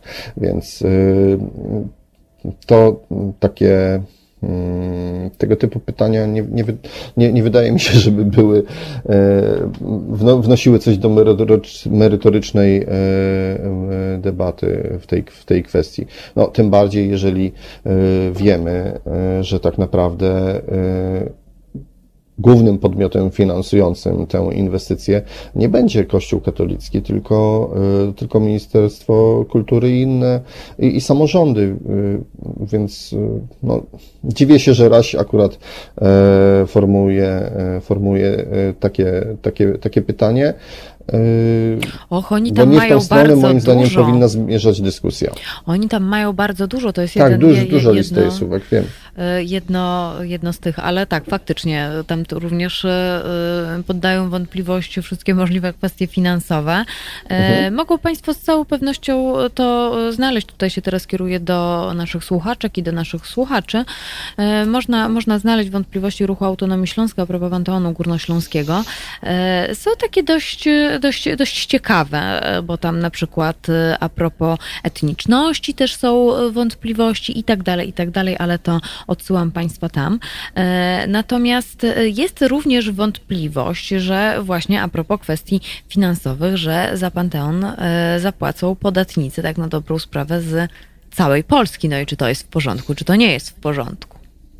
No, pewnie e, nikt, nikt nie pytał podatników e, z całej Polski, czy, czy, czy chcą finansować taką, taką inwestycję e, w Katowicach. No niestety w polityce tak bywa, że, że podejmuje się jakieś decyzje mm, właśnie i potem przekonuje się, że jest potrzebna, bo potrzebne jest na przykład nowe, obiektywne spojrzenie na, na, na historię, chociaż tak naprawdę nie wiemy, co to, co to, co to, co to oznacza. Wspomniała Pani też o, o tych wątpliwościach dotyczących e, nazwisk. I tu można spojrzeć na tą e, kwestię z dwóch stron. E, po pierwsze, czy tak naprawdę ma sens dyskusji o poszczególnych nazwiskach, E, jeżeli y, postawimy sobie tezę roboczą, że y, taki panteon y, nie jest potrzebny, bo służy tak naprawdę tylko remontowi właśnie piwnic w katedrze, mówiąc, mówiąc kolokwialnie. Ale załóżmy, że ta teza jest z gruntu fałszywa. No, to gdy spojrzymy na nazwiska, to naprawdę y, ja nie wierzę w tę, w tę listę, która została opublikowana. Y, ja uwierzę dopiero w tę listę, która y, będzie tak naprawdę zrealizowana. Już Pani powiem dlaczego. Po pierwsza moja wątpliwość to osoby żyjące, czyli na przykład profesor Jan Miodek, czy profesor Tadeusz Sławek tak mhm. wybitne postaci yy, umieszcza się yy, wśród osób, które, które nie żyją, tak? Wśród biogramów, sylwetek, nie wiem, nie, nie, nie wiem jaka będzie forma architektoniczna, tak? Taka, taka namacalna, yy, ale to jest poważna, to jest poważna wątpliwość. Nie wiem też, czy ktoś pytał te żyjące osoby o to, czy chcą się znaleźć za życia w Panteonie. To, no, to, no właśnie, trzeba by było zapytać. To, to, mi się, to mi się jakoś y, nie spina, ale, ale yy, yy, można też zwrócić uwagę na inną rzecz. Mamy na przykład tutaj yy, troje ślą, y, śląskich y, no, noblistów. Mamy panią Marię Geppert-Meyer, mhm. mamy Kurta Aldera i mamy, i mamy Otto Sterna. No ale dlaczego na przykład nie mamy Konrada Blocha, który w 1964 e, dostał Nobla z medycyny za swoje badania e, nad e, miażdżycą. No i mamy, mamy generalnie jeszcze kilku, kilku śląskich no, noblistów. Z jakiegoś powodu, jakimiś kryteriami posłużono się właśnie, by uhonorować tylko, tylko, tylko paru. E, na liście, która gdzieś tam w publicznej przestrzeni e, się pojawiła, jest również, e, i tu proszę się trzymać krzesła, nie kto inny, tylko Wilhelm Szewczyk. Mhm. Wilhelm Szewczyk, śląski pisarz, związany w czasach PRL-u oczywiście z PZPR-em, miał miał, był uwikłany y, y, w, w, w, politykę realizowaną przez tę partię, ale Wilhelm Szewczyk przeciętnemu Ślązakowi kojarzy się jako redaktor, autor, dziennikarz. No i teraz mamy taką sytuację, w której instytucja kultury finansowana przez y, rząd PiSu chce uhonorować Wilhelma Szewczyka. Tego samego Wilhelma Szewczyka, mhm. który do niedawna miał swój plac w Katowicach przed dworcem e, i który został zdekomunizowany przez pisowskiego wojewodę który uznał, że Wilhelm Szewczyk e, to e, symbol e, komunizmu i należy go się pozbyć. No i wymieniono, mimo protestów katowiczan, dosyć dużych zresztą jak na Katowice, wymieniono pana Wilhelma Szewczyka na Marię i Lecha Kaczyńskich. Zrobiono to o tyle skutecznie, że do dzisiaj na tym placu nie ma ani jednej tabliczki, że jest to plac Marii i Lecha Kaczyńskich, ponieważ miasto nie zmieniło tabliczki imienia Szewczyka e, z imieniem e, i nazwiskiem, przepraszam, Wilhelma Szewczyka e, i nikt nie mówi, że idzie na plac Marii Lecha Kaczyńskich, tylko na plac Wilhelma, Wilhelma Szewczyka. Więc wydaje mi się, że ta lista jest nie, no, niekonsekwentnie. Nie, niekonse, mhm. niekonsekwentna, że jest to jakiś zbiór stworzony na zasadzie spróbujmy nikogo nie urazić i zaspokoić wszystkie oczekiwania. Natomiast ja uwierzę w nią dopiero, gdy gdy wejdę tam do, y, do podziemi katedry i zobaczę, kogo naprawdę uhonorowano. I wtedy, y, I wtedy będziemy wiedzieli, bo dla mnie to jest na razie y, no, co, co, najmniej, co najmniej dziwny, dziwny zbiór. E, tutaj pan, e, nasz słuchacz, e, pan Robert dopisuje, ale Szewczyk, mimo że czerwony, jest właśnie zasłużony. Więc... Nikt tego nie kwestionuje. Mhm. No tak, tak, tak, ale pa pamiętam, tylko, pamiętam tę aferę ci sami z politycy chcą go dzisiaj, tak. Ci sami politycy chcą go dzisiaj honorować w świątyni katolickiej, mhm w najważniejszym y, dla y, y, katowiczan kościele, i ci sami politycy odmówili mu y, pamięci y, takiej codziennej, tak, w miejscu, przez które przechodzą tysiące y, katowiczan. Tego się nie da połączyć w logiczny sposób. No tak, e, to jest bardzo słuszna uwaga. Akurat, e, akurat o tym, e, jak przyglądałam tę listę, listę, to faktycznie Wilhelm Szewczyk mi minął i sobie myślę, och, super, ale faktycznie zapomniałam. No i właśnie taka rola nasza dziennikarzy, że trzeba przypominać, przypominać i jeszcze raz przypominać. I to bardzo, bardzo dziękujemy za tę uwagę, bo teraz myślę, że wszyscy sprawdzają tę listę, kto się na niej znalazł. Ale okazuje się, że no, są też tacy, którzy którzy nie są godni miejsca w tak zacnym miejscu. E, jeszcze w 2019 roku, właśnie a propos e, Wilhelma Szewczyka, e, dziennik zachodni pisał, że nie ma miejsca dla, dla niego, a jak właśnie, jak właśnie teraz można zobaczyć, jest miejsce, ale są też inne postaci, które się jeszcze nie doczekały, a które są dla regionu absolutnie ważne pełna, pełna, pełna zgoda. Tylko ja, ja należę do tej grupy osób, która dyskusję o poszczególnych nazwiskach uważa za, e, za bezcelową. E, to mi przypomina trochę taki e, przekierowuje dyskusję nie, nie, nie w tę stronę, w która powinna się odbywać. Tak? To brylują w tym politycy rozmaici, którzy e, przeglądają tę listę i, i dopisują i, i mówią, e, jeden poseł z drugim mówi, tak, dopiszmy tego, to on też powinien e, tam, tam, tam być. No i na przykład można by uzupełnić tą listę o wszystkich górnośląskich śląskich no, noblistów, albo o, albo o kilku wybitnych postaci z, z kultury, architektury, z życia, życia kościoła. No, Śląsk to nie jest czarna, wypalona ziemia. Tutaj, tutaj naprawdę są e, osoby, które mają wybitne, e, wybitne, wybitne do, do, dokonania. E, tylko ja, ja uważam, że właśnie mieszanie w tym tygielku z nazwiskami jest przeciwskuteczny dla debaty o tym miejscu. Mhm. Y, publicyści y, właśnie będą się upominać. Ach, gdzie Kłuc, powie ktoś, tak? Gdzie Kłuc? Gdzie, gdzie, gdzie, gdzie jeszcze ktoś? I, a, tak, a tak naprawdę ucieknie, ucieknie debata o tym, co jest najważniejsze, czyli tak naprawdę po co to powstaje? Po co to powstaje?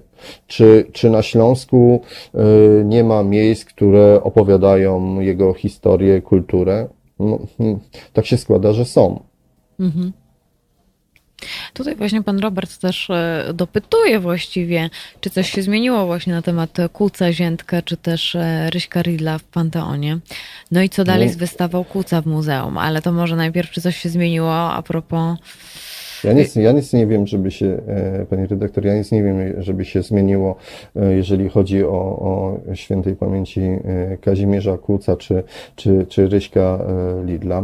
O ile mm, znałem Kazimierza Kuca, to jestem przekonany, że on nie życzyłby sobie mm, upamiętnienia w takiej formie i, i w, tym, w, tym, w tym miejscu. Poglądy miał jasne i zdecydowane, określone wyjątkowo bogatym językiem, e, więc o Kuca absolutnie bym się nie martwił. Natomiast e, pani wspomniała, że pan Robert mówi o, o, o Ziętku, o, o mhm. Jerzym Ziętku. No tutaj sytuacja jest jeszcze śmieszniejsza, bo tak jak wspomniałem o zdekomunizowanym Wilhelmie Szewczyku, e, tak nasz pisowski wojewoda nie zdecydował się na zdekomunizowanie E, właśnie e, jeszcze bardziej komunistycznego przecież Jerzego Ziętka, e, który ma swoje rondo w Katowicach, to przy, przy nosi jego imię. I wojewoda wchodząc do pracy i każdy wchodząc do urzędu wojewódzkiego głównymi schodami na pierwsze piętro mija po piersie wojewody, wojewody Ziętka. Więc tu mamy znowu taki problem, który polega na e, wybiórczym ocenianiu historii z przyczyn politycznych, bo w czym bardziej, jak bardziej, kto był bardziej komunistycznym aparatczykiem? Pisarz Szewczyk czy, e, czy, e, czy wojewoda Ziętek? Tylko problem polega na tym, że Ziętka, e, problem, nie problem, nie mój problem, problem wojewody, jego, jego, jego, jego polityki polega na tym, że Ziętka e, PiS nie zdekomunizował e, po prostu ze strachu. Po prostu ze strachu. Bo Ziętek y, można różnie oceniać czasy, czasy PRL-u. Można oczywiście zagłębiać się w życiorysy i szukać różnych y, ciemniejszych y, stron tego bohatera, ale Ziętek na Górnym Śląsku ciągle kojarzy się jako osoba, która ma wybitne osiągnięcia dla niego, zmieniła jego oblicze, inwestycje, które za jego czasów e, były zrealizowane, do dzisiaj cieszą e, oko e, i, i mieszkańcy z nich korzystają. Więc tu mamy moim zdaniem taką sytuację, że po prostu strachu, strachu, strachu przed reakcją mieszkańców, co jest absolutnie zabawne i lekko kuriozalne, że właśnie, ale tak bywa niestety, gdy politycy zajmują się historią. No i mm, warto o tym mówić i warto się na to nie zgadzać po prostu. Ja pamiętam, ale to może redaktor mnie poprawi, bo tak mi coś miga w głowie, że jeszcze a propos e, Ziętka, e, trochę w obronę wziął, e, wzięło go Muzeum Śląskie, że absolutnie, to chodzi o pomnik akurat, nie ruszamy, nie ruszamy. To tak mi się teraz to było, przypomniało. To było, to było trochę inaczej. A, okay. Przy, ale, ale nasi czytel, Państwa słuchacze i, I czytelnicy. czytelnicy i, I, czytelnicy, przepraszam, za, zawodowy błąd, mają prawo o tym, o, o tym nie, nie wiedzieć. Gdy toczyła się debata o dekomunizacji w regionie, i gdy było wiadomo, że pan wojewoda przymierza się do usunięcia z przestrzeni publicznej pamięci o Wilhelmie Szewczyku, y, to, y, to y, wówczas, wówczas wszyscy się zastanawiali, czy właśnie ten los spotka Ziętka. I profilaktycznie niejako e, władze miasta Katowice pomnik e, Ziętka, Jorga, który stoi przy, e, przy katowickim rondzie mm, w parku, został formalnie przekazany pod pieczę, ta działeczka, te kilka metrów mhm. kwadratowych, pod pieczę Muzeum Historii Katowic. I w, te, w tym momencie ten pomnik y, pełni, no jest obiektem muzealnym i, i, i wypada, i wypada y, z ustawy. Y, taki prawny, prawny wybieg na, na wszelki wypadek, na wszelki wypadek jakby. Gdyby ktoś chciał go ruszyć. E, panie redaktorze, zróbmy sobie e, chwilę oddechu. Zróbmy sobie chwilę oddechu z Emanem. Do naszej rozmowy wrócimy, a jeżeli mają Państwo jeszcze jakieś pytania, proszę koniecznie albo dzwonić, albo pisać. Słyszymy się już za moment. To jest powtórka programu. Halo Radio. Pierwsze radio z wizją. Na zegarach 8.46. Jeżeli Państwo zaspali i chcieliby się coś, e, czegoś dowiedzieć o Panteonie Górnośląskim, e, to e, muszą Państwo albo przewinąć naszą rozmowę z Przemysławem Jedleckim, albo będę Państwa odsyłać do podcastów. Na pewno pojawi się na platformach podcastowych typu Spotify, Apple, Google Podcast i tak dalej, lub na naszej stronie, lub na naszej stronie haloradiowej halo.radio lub pod.co ukośnik Halo Radio e, w poniedziałek e, podcast, e, więc myślę, że akurat warto przekazywać go dalej, żebyśmy trochę inaczej popatrzyli też na ten Panteon Górnośląski. Natomiast ja jeszcze mam, panie redaktorze, takie jedno pytanie, właściwie już ostatnie. To akurat nawiązuje do tekstu ostatnio opublikowanego właśnie w katowickiej Gazecie Wyborczej a propos samego dyrektora. No bo tak, pandemia trwa, słyszymy te gdyby nie ten Śląsk ministra Szumowskiego, e, a tu jednak Panteon jest e, przyklepany, Panteon powstaje i powołuje się dyrektora. No i myślę sobie, że czy faktycznie, może o taki komentarz bym poprosiła, czy faktycznie w czasach pandemii powinniśmy, powinniśmy o tym, o tym myśleć? Nic by się moim zdaniem nie stało, e, gdyby chwilę poczekać. Pamięć e, o tych wyjątkowych postaciach, które autorzy Panteonu Górnośląskiego chcą tam uhonorować, nic by na tym e, nie ucierpiała, gdyby te 40 czy 50 milionów złotych wydać troszeczkę później a teraz na przykład e, no, na, na, inne, na, inne, na inne działania. E, podobne zastrzeżenia mieli radni sejmikowi miejscy podczas e, debat na sesjach na ten temat. Mówię oczywiście o radnych opozycyjnych, a więc nie tych związanych z PiSem.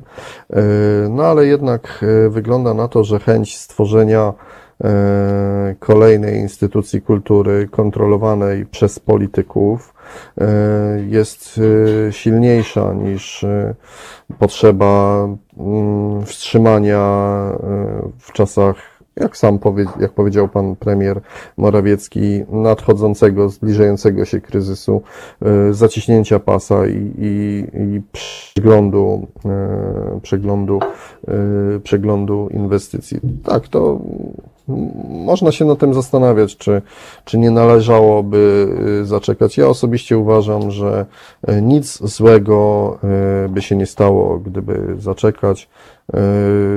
No ale rozumiem, że musi być otwarty Panteon w 2022 roku na setną rocznicę mm, powrotu części Górnego Śląska do, do Polski. No i tak w rytm życzeń mm, i działań polityków toczy się tutaj nasze życie. E, tutaj nasz słuchacz Julek e, żartuje, kasa do wydania nie można czekać, a ja jeszcze o tej kasie, to znaczy Oj. wiemy, wiemy e, ile dyrektor będzie zarabiać. Tak, to nie jest, mhm. to nie jest tajemnica, jako że został powołany przez Zarząd Województwa Śląskiego, więc z informacji przekazanych przez rzecznika pana marszałka wynika, że jest to 8 e, tysięcy złotych brutto plus dodatek w wysokości 4 tysięcy brutto, co razem stanowi 12 tysięcy złotych brutto. To, e, to godna pensja, tak to ujmę. Tam jeszcze, ponieważ właśnie w instytucji mm, są też współpracownicy i na początku ma to być 6 osób, a później 20. Ja się tak zastanawiałam, czy na przykład praca właśnie pracowników uniwersytetu czy IPN-u również jest w to wliczana w jakiś sposób, jako współpracowników. Mm, tutaj, y, mm, żeby było zabawniej, tę informację y, dostaliśmy w ogłoszeniu o pracy dla głównej księgowej. E, przyszła, przyszła pani księgowa, czy też pan księgowy e, po prostu dostał w ogłoszeniu informację, jak będzie wyglądała struktura zatrudnienia w tej, w tej, w tej, w tej instytucji. No, oczywiście można, można dyskutować, czy, czy powinno być to 20 osób, 30, czy, czy, czy, czy, czy może 10. 20 osób wydaje się liczbą y, dość, y, dość dużą, tak, ale z, z ocenami musimy poczekać jednak na, na szczegóły, tak. Pan dyrektor zapowiedział, że we wrześniu chce zorganizować konferencję prasową na, na, na ten temat i myślę, że to będzie okazja do właśnie zadania mu pytań e, w tej, w tej kwestii, jak, jak, jak sobie to wyobraża, jak, jak ma działać, funkcjonować na co dzień kierowana przez niego instytucja, jakie ma doświadczenia w kierowaniu instytucjami kultury, bo takiego punktu w jego życiorysie nie, nie odnalazłem. No i można zastanowić się, czy na przykład e, zamiast zatrudniać e, księgową, nie można było tego mm, zlecić, e, czy też no, po prostu wyprowadzić usługę poza instytucję w trosce o, o publiczny grosz, bo wiadomo, że outsourcing czy zlecanie pewnych usług na zewnątrz bywa, bywa, bywa tańsze. Mam mhm. nadzieję, że że nie będziemy już więcej epatowani e, tym, ile kto zarabia i dlaczego tak, tak dużo, e, że, że zwycięży tutaj jednak e, jakieś bardziej skromne, skromne podejście do, i rozsądne, jeżeli chodzi o, o wydatkowanie publicznych pieniędzy. Panie redaktorze, proszę trzymać rękę na pulsie, jeżeli chodzi o Panteon Górnośląski. E, może jak będą jakieś rewelacje za jakiś czas, to znowu się usłyszymy. E, na co liczę? Na co liczę? Bardzo dziękuję za zaproszenie. E, polecam się. Jeżeli myślę, że we wrześniu będziemy wiedzieli nieco, nieco więcej na temat tego miejsca. Bardzo, bardzo się cieszę, więc panie redaktorze, trzymamy rękę na pulsie. Tutaj jeszcze dopowiem e, dwa komentarze. Pani Barbary. Kuriozalny pomysł w dobie pandemii i kryzysu. Tragedia. Julek dopowiada, bywa tańsze, e, bywa, bywa tańsze, ale nie bardziej e, przejrzyste. Dziękujemy bardzo. Moim i Państwa gościem Przemysław Jedlecki, dziennikarz katowickiej Gazety Wyborczej. Rozmawialiśmy wokół Panteonu Górnośląskiego. Jeszcze raz serdecznie dziękuję. Dziękuję, do widzenia. Do widzenia, do usłyszenia. Natomiast e, ja z Państwem słyszę się, ja z Państwem się jeszcze nie żegnam. Ja z Państwem się jeszcze nie żegnam. Już za moment e, w naszym haloradiowym studiu będziemy gościć Patryka Strzałkowskiego, dziennikarza gazety.pl i będziemy mówić o tym, że niby politycy tak mają nas w nosie, mają nas w nosie, ale jednak, jeżeli chodzi o katastrofę klimatyczną, ale jednak tak nie do końca. Porozmawiamy sobie o pewnym podręczniku, ale ale to już wszystko po godzinie dziewiątej. E, ja natomiast teraz Państwa zostawiam na chwilę, ale proszę się nie rozleniwiać i cały czas czekam na Państwa telefony. Przypominam numer telefonu do studia 22 39 059 22. Teraz małpahalo.radio mają Państwo też do dyspozycji do podzielenia się swoimi refleksjami, może propozycją tematów e, e, na woźniak małpahalo.radio bez polskich znaków. No i są jeszcze do komentowania dwa czaty. Jeden jest w transmisji facebookowej, drugi jest w transmisji YouTube'owej. Mm, no i cały czas zachęcam Państwa do tego, by Państwo e, wspierali Halo Radio ze wszystkich sił i wszystkich mocy. E, wsparcie to datki, e, pomoc finansowa jest niezwykle ważna, żebyśmy sobie mogli chociażby rozpracowywać tak na spokojnie właśnie takie tematy jak Panteon region górnośląski, ale, ale nie tylko. Więc proszę nas wspierać, proszę zostawać patronami Fundacji Obywatelskiej na portalu Patronite. Natomiast proszę jeszcze podsyłać znajomym. Czy to audycje, czy po prostu polecać nas halo radiowo. To jest dla nas ważne. Nie tylko dla nas tutaj z tego miejsca, w którym ja teraz siedzę, ale również dla Państwa, dla nas, dla obywateli, bo cały czas obywatelujemy. Słyszymy się już za chwilę. Słuchajcie powtórki programu.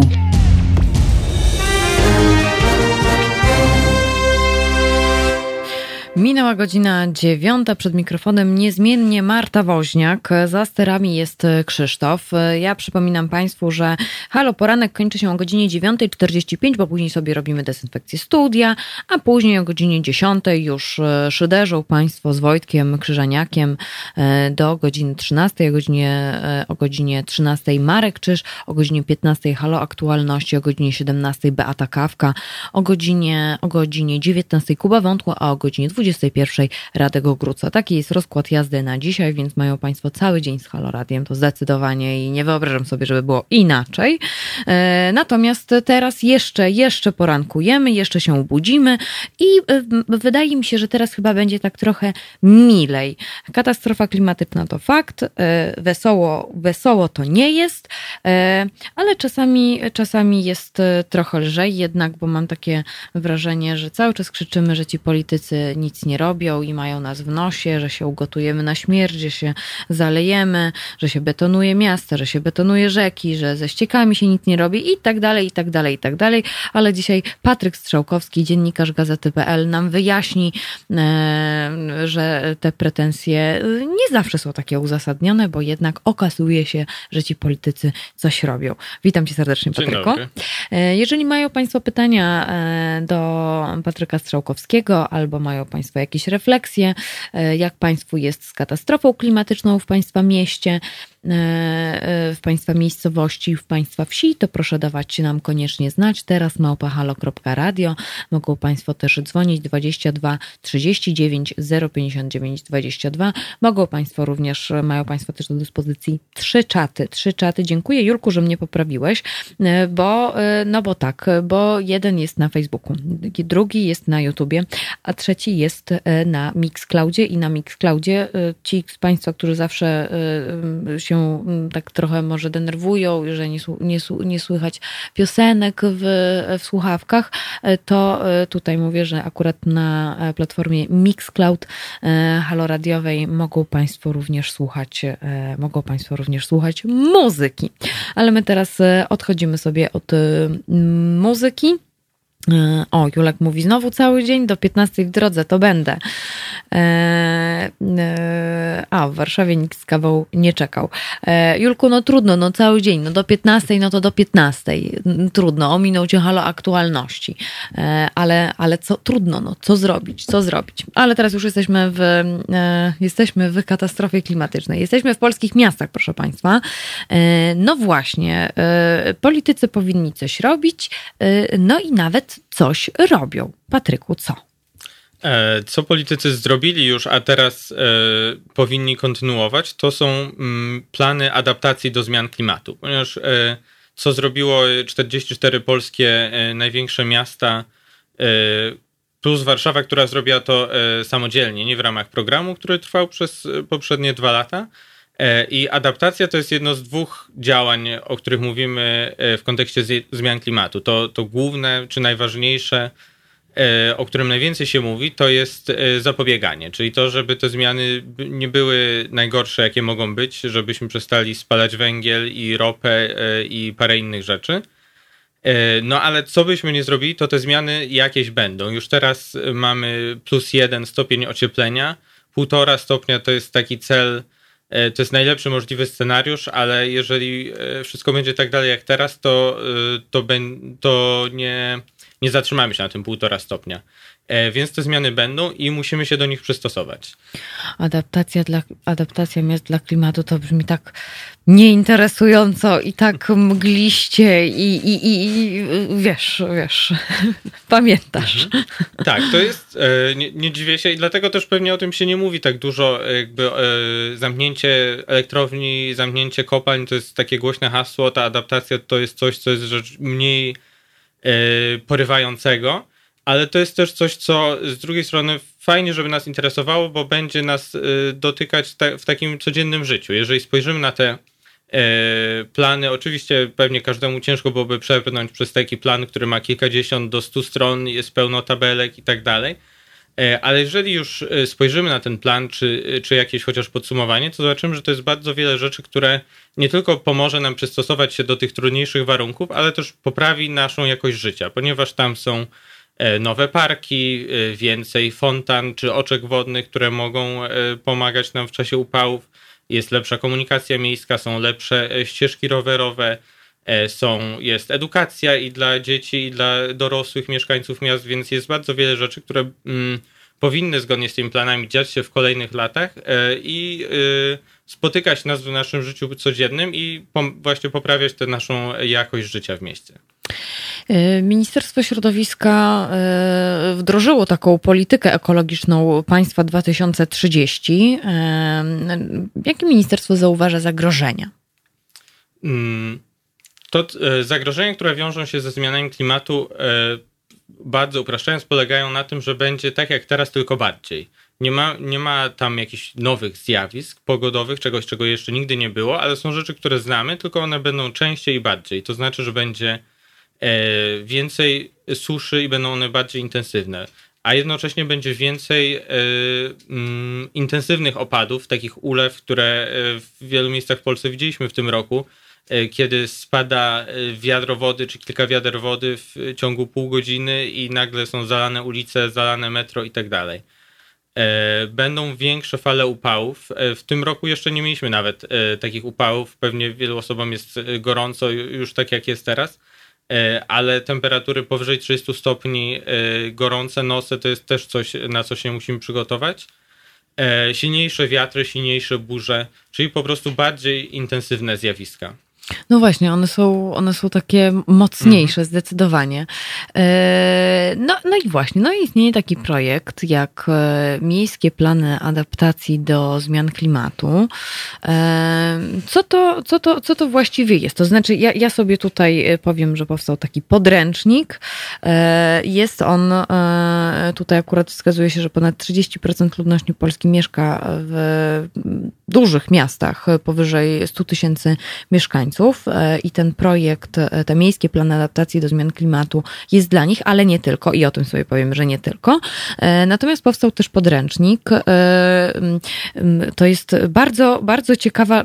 No, nie przeczytałam całości, nie przeczytałam, przyznaję się, przyznaję się bez bicia, ale jest tam, jak widzę tabelki i widzę statystyki, tam się tak od razu lepiej robi. Ja bardzo lubię w nie zaglądać, więc taki podręcznik właśnie do e, miejskich planów adaptacji e, do zmian klimatu. Mogą Państwo znaleźć na stronie i uwaga www.44mpa.pl ukośnik podręcznik, myślnik do myślnik adaptacji. E, myślę, że będzie prościej, jeżeli Państwo po prostu wejdą w tekst Patryka, który e, został opublikowany pod koniec, e, pod koniec lipca tego roku i tutaj musieliby sobie Państwo znaleźć. Patryk Strzałkowski, Gazeta.pl, gwałtowne opady i podtopienia to jedno z największych zagrożeń. Polskie miasta chcą być gotowe. To słowo klucz, więc również jest link do tego podręcznika i warto sobie, warto sobie w niego zerknąć warto sobie w niego zerknąć, bo w tymże podręczniku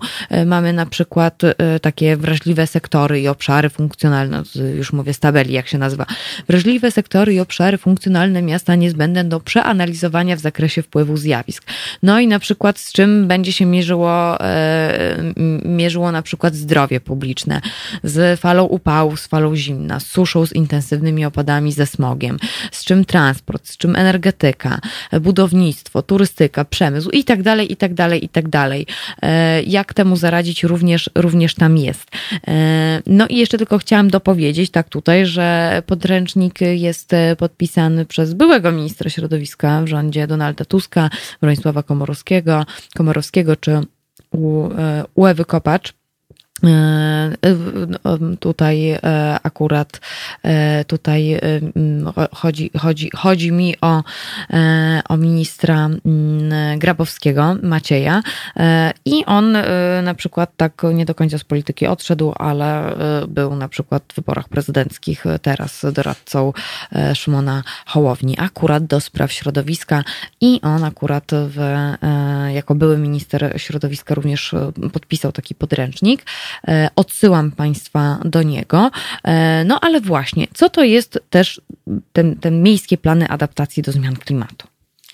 To jest coś, co ma po prostu pomóc, y, pomóc miastom, ale też zobowiązać ich do jakichś konkretnych działań przez te najbliższe 10 lat, ponieważ e, bo wyobraźmy sobie, że radni na przykład z Krakowa czy, czy, pre, czy prezydent miasta pomyślą, mamy te zmiany klimatu, wiemy, że będą jakieś problemy, no ale co powinniśmy jako miasto zrobić? Więc tutaj w, we współpracy z firmami, z instytucjami badawczymi e, i na podstawie tego schematu, jakim jest podręcznik, miasta sobie po prostu e, sprawdziły, e, co będzie dla nich, dla tego miasta konkretnie problemem, jakie tutaj części miasta, części infrastruktury mogą są wrażliwe, czyli mm, są wrażliwe na zmiany klimatu, czyli których to dotknie. Na przykład też są, czasem to są rzeczy, które są po prostu mniej oczywiste. Jakby to, co jest właśnie fala upałów, wiadomo, że e, będzie, mm, że to jest problem dla mieszkańców, szczególnie dla starszych osób, e, ale na przykład takim mniej oczywistym problemem są temperatury w okolicach 0 stopni.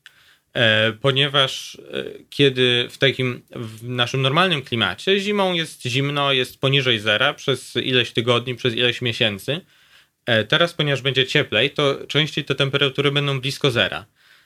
No a przy temperaturze poniżej zera woda zamarza, powyżej rozmarza. Jeżeli na przykład będzie tak, że przez długi okres, przez te zimowe miesiące w ciągu dnia będziemy mieli 5 na plusie, a nocą minus 2, to ta woda będzie zamarzać i rozmarzać. To, to, co to będzie robić, to będzie strasznie niszczyć drogi. I na przykład musimy być gotowi do tego, żeby móc naprawiać, czy też przygotować jezdnie do tego, żeby one y, nie były zniszczone y, przez y, taki okres, który może się zdarzyć. Może już i to nie są też, co, co jest ważne właśnie mm, przy tych planach nie mówimy o odległej przyszłości, nie mówimy o tym, co będzie w 2100 roku, tylko o tym, co się może dziać już za, za 3 lata, za 5 lat, e, co jest bardzo blisko. Mhm. Tutaj popełniłam e, fopa i dziękuję panie Jarosławie, że mnie pan e, poprawia, e, bo tak, Komorowski to prezydent był, a nie premier, więc mój błąd, przyznaję się bez bicia. No ale generalnie minister Grabowski 2013-2015 ministrem, ministrem środowiska był.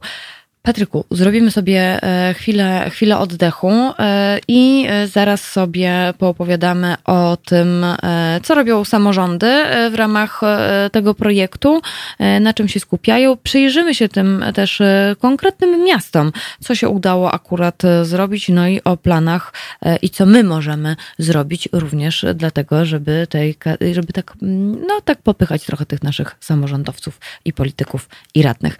To już za chwilę teraz The Brand New Heavies. Słuchajcie powtórki programu.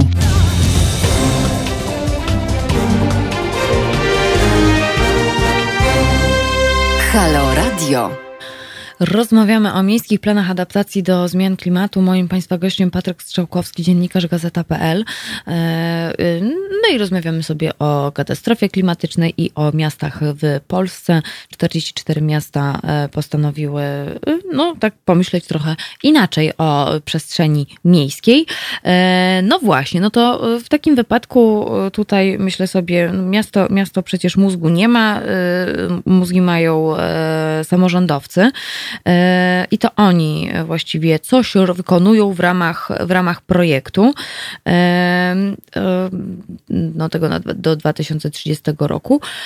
Więc rozumiem, że jeszcze się nie udało niczego zrealizować, ale plany są. Tak, o ile, o ile wiem, to jeszcze żadne, być może niektóre z tych rzeczy będą ruszać, czy ruszają w tym roku, plany zostały ukończone w chyba w 2018 czy 2019 i większość z miast uchwaliła e, te plany uchwałą Rady Miasta, co jest bardzo ważne, ponieważ to jest e, to formalne zobowiązanie. To, że plan powstał, to jeszcze nie znaczy, że musi się zdarzyć, ale jeżeli Rada Miejska uchwaliła ten plan, to znaczy, że to jest coś, do czego są zobowiązani e, i z czego też my jako e, mieszkańcy czy dziennikarze możemy te miasta rozliczać. I to jest właśnie dobre narzędzie, że możemy e, za rok, za dwa przyjść z takim planem, czy jako dziennikarz, czy jako po prostu mieszkaniec, mieszkanka miasta do, do urzędu i zapytać, halo, co jest tym projektem, który tutaj zapowiadaliście, że zrobicie. Ale super, że to mówisz, to jest bardzo ważne. Słyszeli Państwo. Zaraz powiemy sobie, może akurat w tych miastach, którym przyglądał się akurat e, Patryk, to zobaczymy, e, czy już mogą Państwo e, iść do urzędu i tutaj właśnie mówić, halo, co z tym projektem, tak za 2-3 lata mniej więcej, ale proszę, proszę już wpisywać w kalendarze. No właśnie, a czy na przykład, nie wiem, czy masz taką wiedzę, czy na przykład samorządowcy no bo tak, bo e, rozumiem, że e, to, jak, jakie miasto może mieć problemy i właśnie a propos chociażby, nie wiem, zieleni, miejskiej zieleni, czy, e, czy właśnie tej kwestii z drogami, a propos, a, propos, a propos zimy, to czy na przykład miasto też się konsultuje z mieszkańcami? Mm, czy to jest raczej jakieś mhm. grono ekspertów, takie, którzy, którzy wiedzą, że y, będzie tak i tak? Mhm.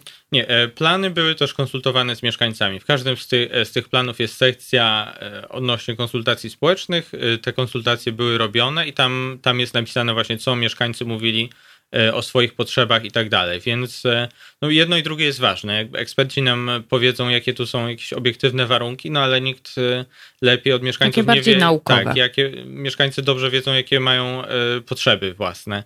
E, co, co, co w konkretnych warunkach jest im potrzebne. Mm, więc tak, to było konsultowane. E, czy teraz konkretne projekty i tak dalej? No, wyobrażam sobie, że tak. Pewnie zależy, zależy też od jakich projektów, bo to są bardzo różne rzeczy. Jeżeli mówimy tutaj o e, przebudowie sieci kanalizacyjnej, no to tutaj konsultacje z mieszkańcami raczej potrzebne nie są. Tutaj jest ta wiedza ekspercka raczej konieczna. A jeżeli mówimy już o ścieżkach rowerowych czy parkach, takich rzeczach, które będą be, ba, bardziej bezpośrednio użytkowane, no to tak, wyobrażam sobie, że tutaj przy tych konkretnych rzeczach e, też będą ważne konsultacje z mieszkańcami. No to jakie są plany dla poszczególnych miast? Wybierz sobie. Mhm.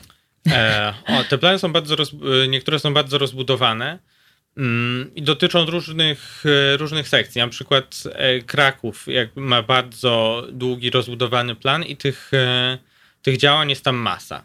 E, myślę, że można je podzielić na, na, kilka kategorii, żeby dać jakieś wyobrażenie, bo nie sposób przejść przez te wszystkie e, zaplanowane działania. Mm, ale po pierwsze to są działania edukacyjne i informacyjne. Nie tylko taka twarda infrastruktura i tak dalej, ale właśnie też edukacja. E, to mogą być programy dla szkół, żeby informować dzieci o, o tym, jak zmienia się klimat też dla innych mieszkańców e, być może jakieś podręczniki, broszury informacyjne i tak.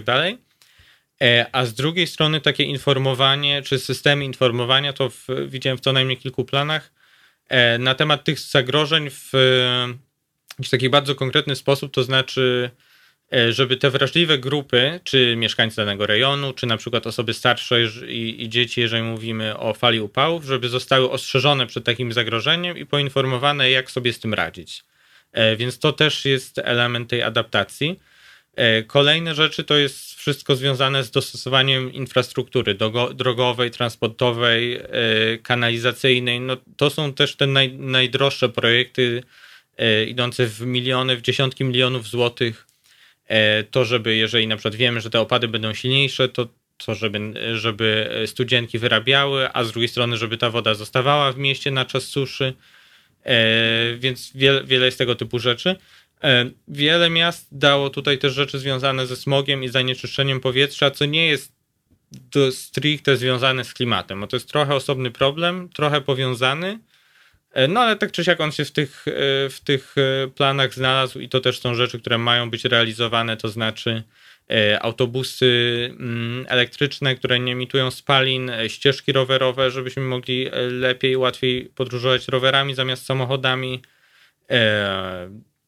Co jeszcze oprócz komunikacji? No właśnie drzewa i tak dalej, parki, one spełniają kilka różnych funkcji jednocześnie. Drzewa chronią przed upałem, parki retencjonują, czyli zbierają wodę podczas, podczas ulew, ale też oczyszczają powietrze, więc to jest taka inwestycja E, drzewa przy ulicach parki, która załatwia nam kilka problemów jednocześnie. Nie wiem, czy to akurat e, w związku z tym e, projektem i przystąpieniem, ale Julek dopowiada Toruń. Miejski system monitoringu jakości powietrza, utworzenie internetowego narzędzia wymiany wiedzy i doświadczeń w zakresie adaptacji do zmian klimatu. A, czyli jednak. Mhm. Czyli, czyli jednak. Myślę sobie a propos tych podręczników, że to też jest taki element, o którym moglibyśmy mhm. zapomnieć, ale to są ważne rzeczy. Jakiś czas temu, dawno, dawno temu, e, w naszym Haloparonku gościliśmy dr Aleksandrę e, Kardaś, jedną ze współautorek e, świetnego podręcznika do geografii dla dorosłych, czyli Nauka o klimacie, wydawnictwo Post Factum.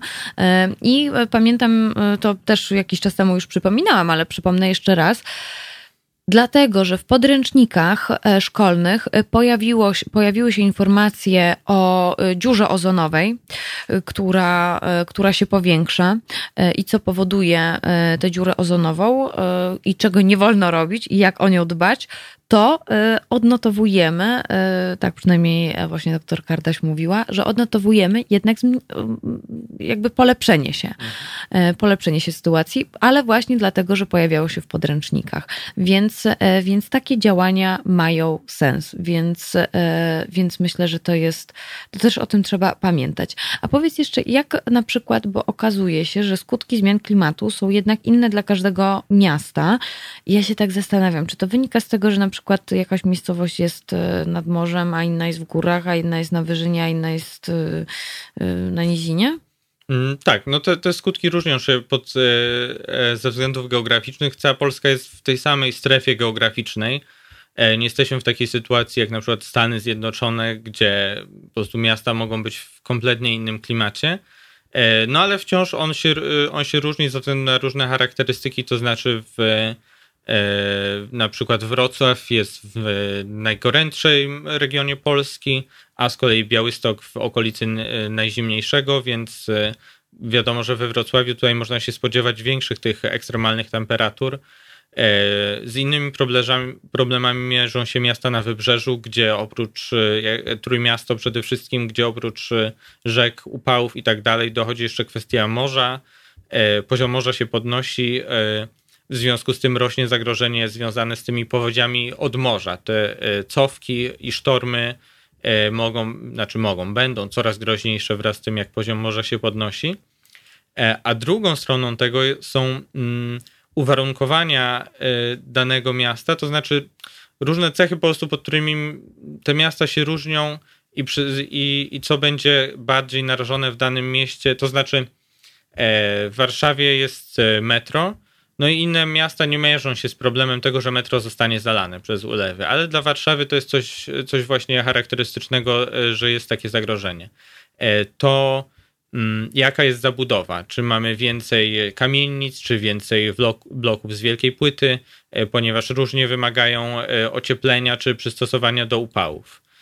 To, czy mamy starsze społeczeństwo w mieście, czy młodsze, ponieważ jeżeli mamy więcej seniorów, to mamy większą tę grupę, która będzie narażona na upały, więc być może musimy przystosować szpitale do tego, żeby miały więcej pacjentów e, latem, kiedy będą takie fale upałów. I wiele jest właśnie takich, e, takich elementów, które później będą się wiązać, później, już niedługo będą się wiązać właśnie z tymi następstwami zmian klimatu.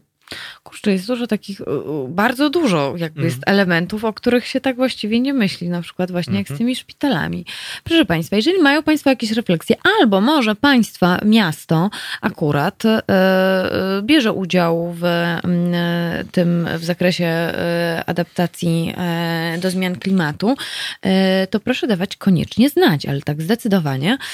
22 39 059 22 i ja bym Cię jeszcze jeszcze Julku poprosiła, bo tutaj się kieruję do naszego słuchacza, żebyś przypomniał, jak nazywa się dokładnie ta strona, na której możemy obserwować to zalanie Bałtyku, że tam Polska pod wodą. Jaka to była strona internetowa, to ja chętnie przypomnę, bo no, takie plany można by było właśnie zobaczyć. Natomiast, natomiast tak, aha, jeszcze Julok dopowiada, miejska wyspa ciepła, wybetonowano całą okolicę Starego Miasta, dokonując wycinek.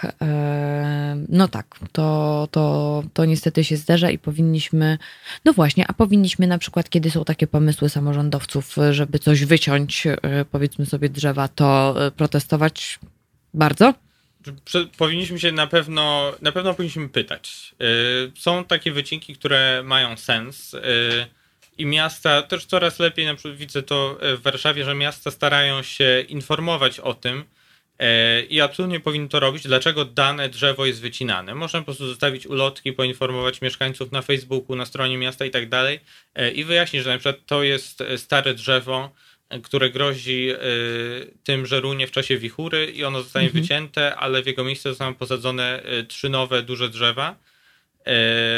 No i to jest w porządku, ale jeżeli, ale nie, nie, zawsze, nie zawsze miasta są w porządku, nie zawsze tak przejrzyście informują i tak, powinniśmy pytać, a jeżeli widzimy, że nie ma dobrego uzasadnienia, e, tak, jasne, jasne, wa warto o to walczyć. Właśnie przy takich rzeczach, e, nie wiem, tu chodzi o rynek w Toruniu, E, nie wiem, nie wiem, no, nie wiem. aczkolwiek, takich, aczkolwiek takich tutaj jeszcze. Wiele, mhm. E, gdzie no, są, przeprowadza się tak zwaną rewitalizację jakiejś przestrzeni. Ona polega na tym, że zielony skwer zostaje wyłożony e, betonowymi płytami. No tutaj ciężko jakieś uzasadnienie. Bo są też takie przypadki, na przykład w Warszawie długo były protesty odnośnie wycinek drzew wzdłuż Wisły, gdzie budowano wał przeciwpowodziowy. Dobrze, że udało się wywalczyć zostawienie części tych drzew. Według aktywistów można ich było zostawić jeszcze więcej. No ale ten wał to jest coś, co obiektywnie trzeba było zrobić. E, no a, no tak, tak, tak. tak, a zabetonowanie rynku zamiast zostawienia tam drzew to nie jest coś, co, co jest potrzebne obiektywnie i, i tak, jasne, powinniśmy w naszych miastach zwracać e, na to uwagę. Tak, Julek dopowiada, że o Toruń chodzi i jeszcze mówi, że wycięto drzewa i postawiono fontannę, czyli pitna woda. E, natomiast przypomina również te strony, na której mogą Państwo zobaczyć, jak bardzo Bałtyk może zalać Polskę. To jest flat.firetree.net. Powódź, pożar drzewa, net. Także, także odsyłam Państwa z języka angielskiego.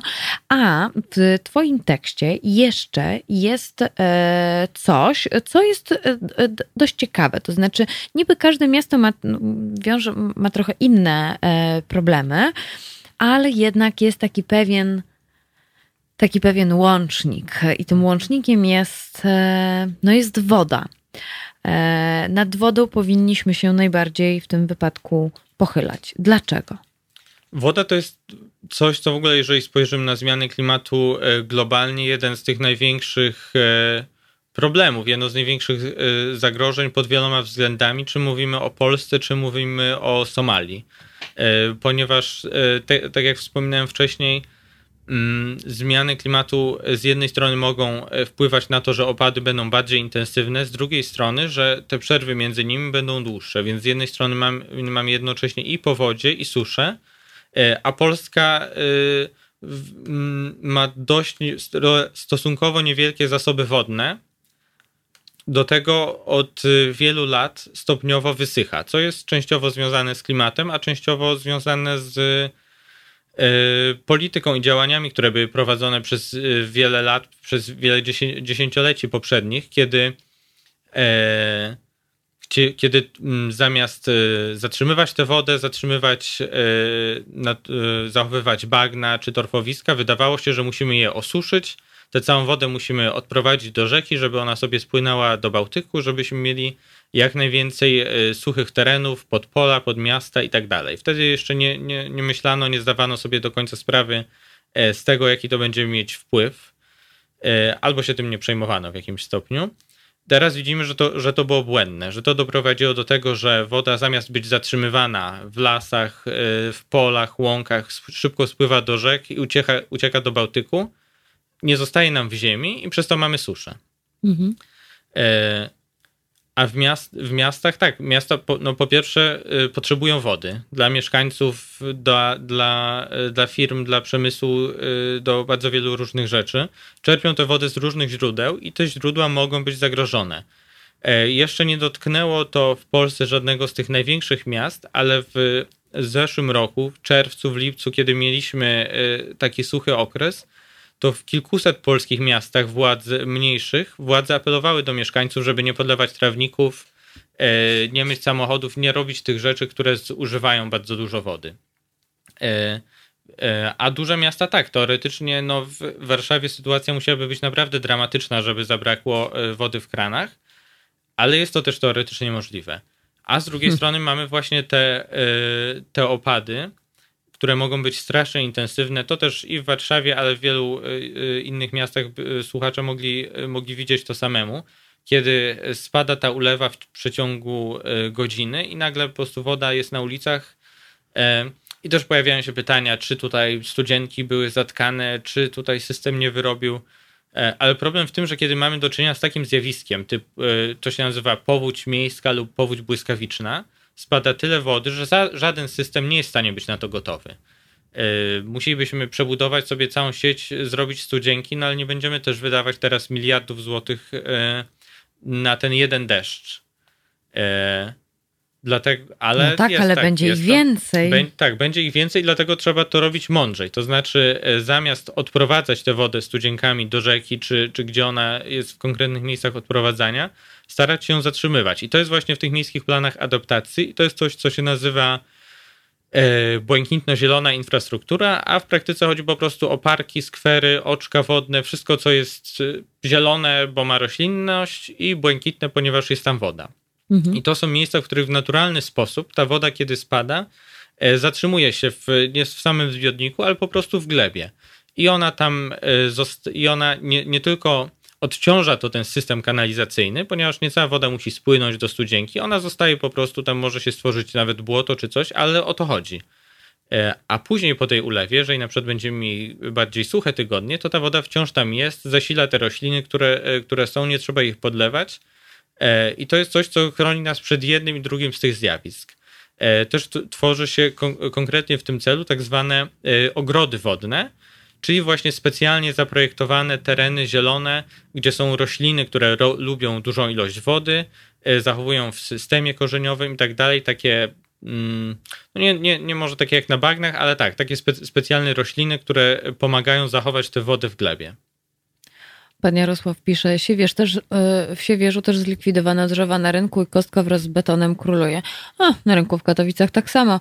E, palmy z gliwic tego nie załatwią. Nie, nie, nie, nie, nie. E, Julek dopowiada w Toruniu w ramach tej adaptacji betonowanie lokalnych rzeczek faktycznie spowolni to uciekanie wody. Obawiam się, że z tego błękitu zostanie szarość betonu, bo u nas nie ma naturalizacji, a betonizacja. No to Julek, no to słuchaj, to ja jadę do Torunia i robimy dwuosobowy protest w takim wypadku roku. Tylko, że ja nie jestem torunianką, to może być trochę utrudnione, ale myślę, że no właśnie, czy y, jeżeli y, w moim mieście, to tak już tytułem, y, już tak końcowo, czy w moim mieście, jeżeli samorząd wpada na takie jakieś dziwaczne pomysły, to czy ja jako obywatelka mogę jakoś interweniować? No, absolutnie tak. W sensie mamy, mamy te, te wszystkie prawa, które nam przysługują jako obywatelom i kraju, i miast, żeby tak interweniować w samorządzie, pytać. E, oczywiście nie zawsze to jest łatwe, szczególnie jeżeli jest się jedną osobą. Kiedyś pisał do mnie e, czytelnik nasz gazety.pl z mniejszej miejscowości, gdzie sam w swojej gminie założył stronę o tym, jak gmina e, o zmianach klimatu po prostu tam, o tym, jak się przystosowywać, jak one działają. E, no i był lekko sfrustrowany tym, że na przykład jeżeli proponował coś na Radzie Miasta, to, to się nie spotykało z, ze zrozumieniem czy uwagą. E, no ale podziwiam go za determinację. Jeżeli skrzykniemy się już w kilka osób, absolutnie możemy to robić. E, warto też, żebyśmy mm, zwracać się do mediów, do lokalnych mediów. też różnie może być z tym zrozumieniem. Ostatnio czytałem artykuł z, z jednego z lokalnych poddali Białego Stoku, gdzie dziennikarka krytykowała tamtejszy młodzieżowy strajk klimatyczny i wytykała, że przecież młodzież nie zdaje sobie sprawy z tego, że zmiany klimatu y, powoduje słońce, a nie ludzie. Więc nie zawsze, nie zawsze w tych lokalnych mediach pewnie znajdziemy zrozumienie, ale, ale wierzę, że w większości przypadków tak. I to jest już jakby mieszkańcy i, i tutaj te lokalne media to jest już jakaś moc, y, która, która może wpłynąć na y, władze miasta, no bo ostatecznie to władze miasta to my wybieramy co jakiś czas I tak, daj, daj, dajmy im znać, że jeżeli nie będą e, na to zwracać uwagę, to, to za parę lat mogą już przestać rządzić. No i Julek, Julek, e, no taki niepocieszony jednak i rozliczać ich z tego nie jestem sam, ale tu stary beton u władzy, a nowy w przestrzeni miejskiej wprowadza, no to robię swoje, no to Julku, no to robimy swoje. Jakby trzeba właśnie tak e, poszerzać. Uważam, że akurat Julek, e, jeżeli Państwo śledzą na przykład Halo Radiową Grupę, to wiedzą, że Julek bardzo często o suszy tutaj nam donosi i też o warto pamiętać, że e, rzeczach, oprócz... więc to też jest ważne, takie mhm. uświadamianie. Mhm. Tak, oprócz kija jest też marchewka i jeżeli na przykład miasta są opodne, żeby to robić, to warto im powiedzieć, że na te takie działania adaptacyjne związane z klimatem mogą dostać pieniądze z zewnątrz. Myślę, że to jest coś, coś, co zawsze może podziałać na wyobraźnię, że jeżeli będą chcieli zrobić tutaj projekt adaptacji, to szczególnie w następnych latach będą na to bardzo duże środki z Unii Europejskiej, bo w Unii Europejskiej klimat jest coraz ważniejszym tematem. W, od przyszłego roku zaczyna się ten taki nowy, tak zwany wieloletni budżet na 7 lat. E, Polska ma z niego dostać jakieś 600-700 miliardów złotych, z czego 30% ma być przeznaczone na rzeczy związane z klimatem. Więc miasta będą mogły dostać bardzo duże pieniądze na to, żeby takie dobre działania zrobić. Więc jeżeli nie przekonują ich protesty, być może e, przekonają ich to, że nie będą musieli za to sami zapłacić. O, jest to jakieś, jest to jakieś rozwiązanie. E, Patryku, bardzo Ci dziękuję e, za e, podzielenie się z nami różnymi ciekawostkami, tipami i co zrobić i tego, żeby Państwo też się przyglądali tym miejskim planom adaptacji do zmian klimatu w swoich miastach. To koniecznie. Dziękuję. E, moim Państwa gościem Patryk Strzałkowski. Ja się z Państwem e, żegnam. Słyszę się z Państwem jutro o godzinie 11. Rozmawiamy o napięciach między Stanami Zjednoczonymi i Chinami, a także porozmawiamy sobie o Libanie. To jutro w Halo Depeszy. Już za chwilę Wojtek Krzyżeniak, głos szczerej słowiańskiej szydery. E, no i proszę Państwa, miłego dnia. Proszę słuchać dalej, proszę nie zapominać o Halo Radio i proszę obywatelować. Wszystkiego dobrego. Marta Woźniak.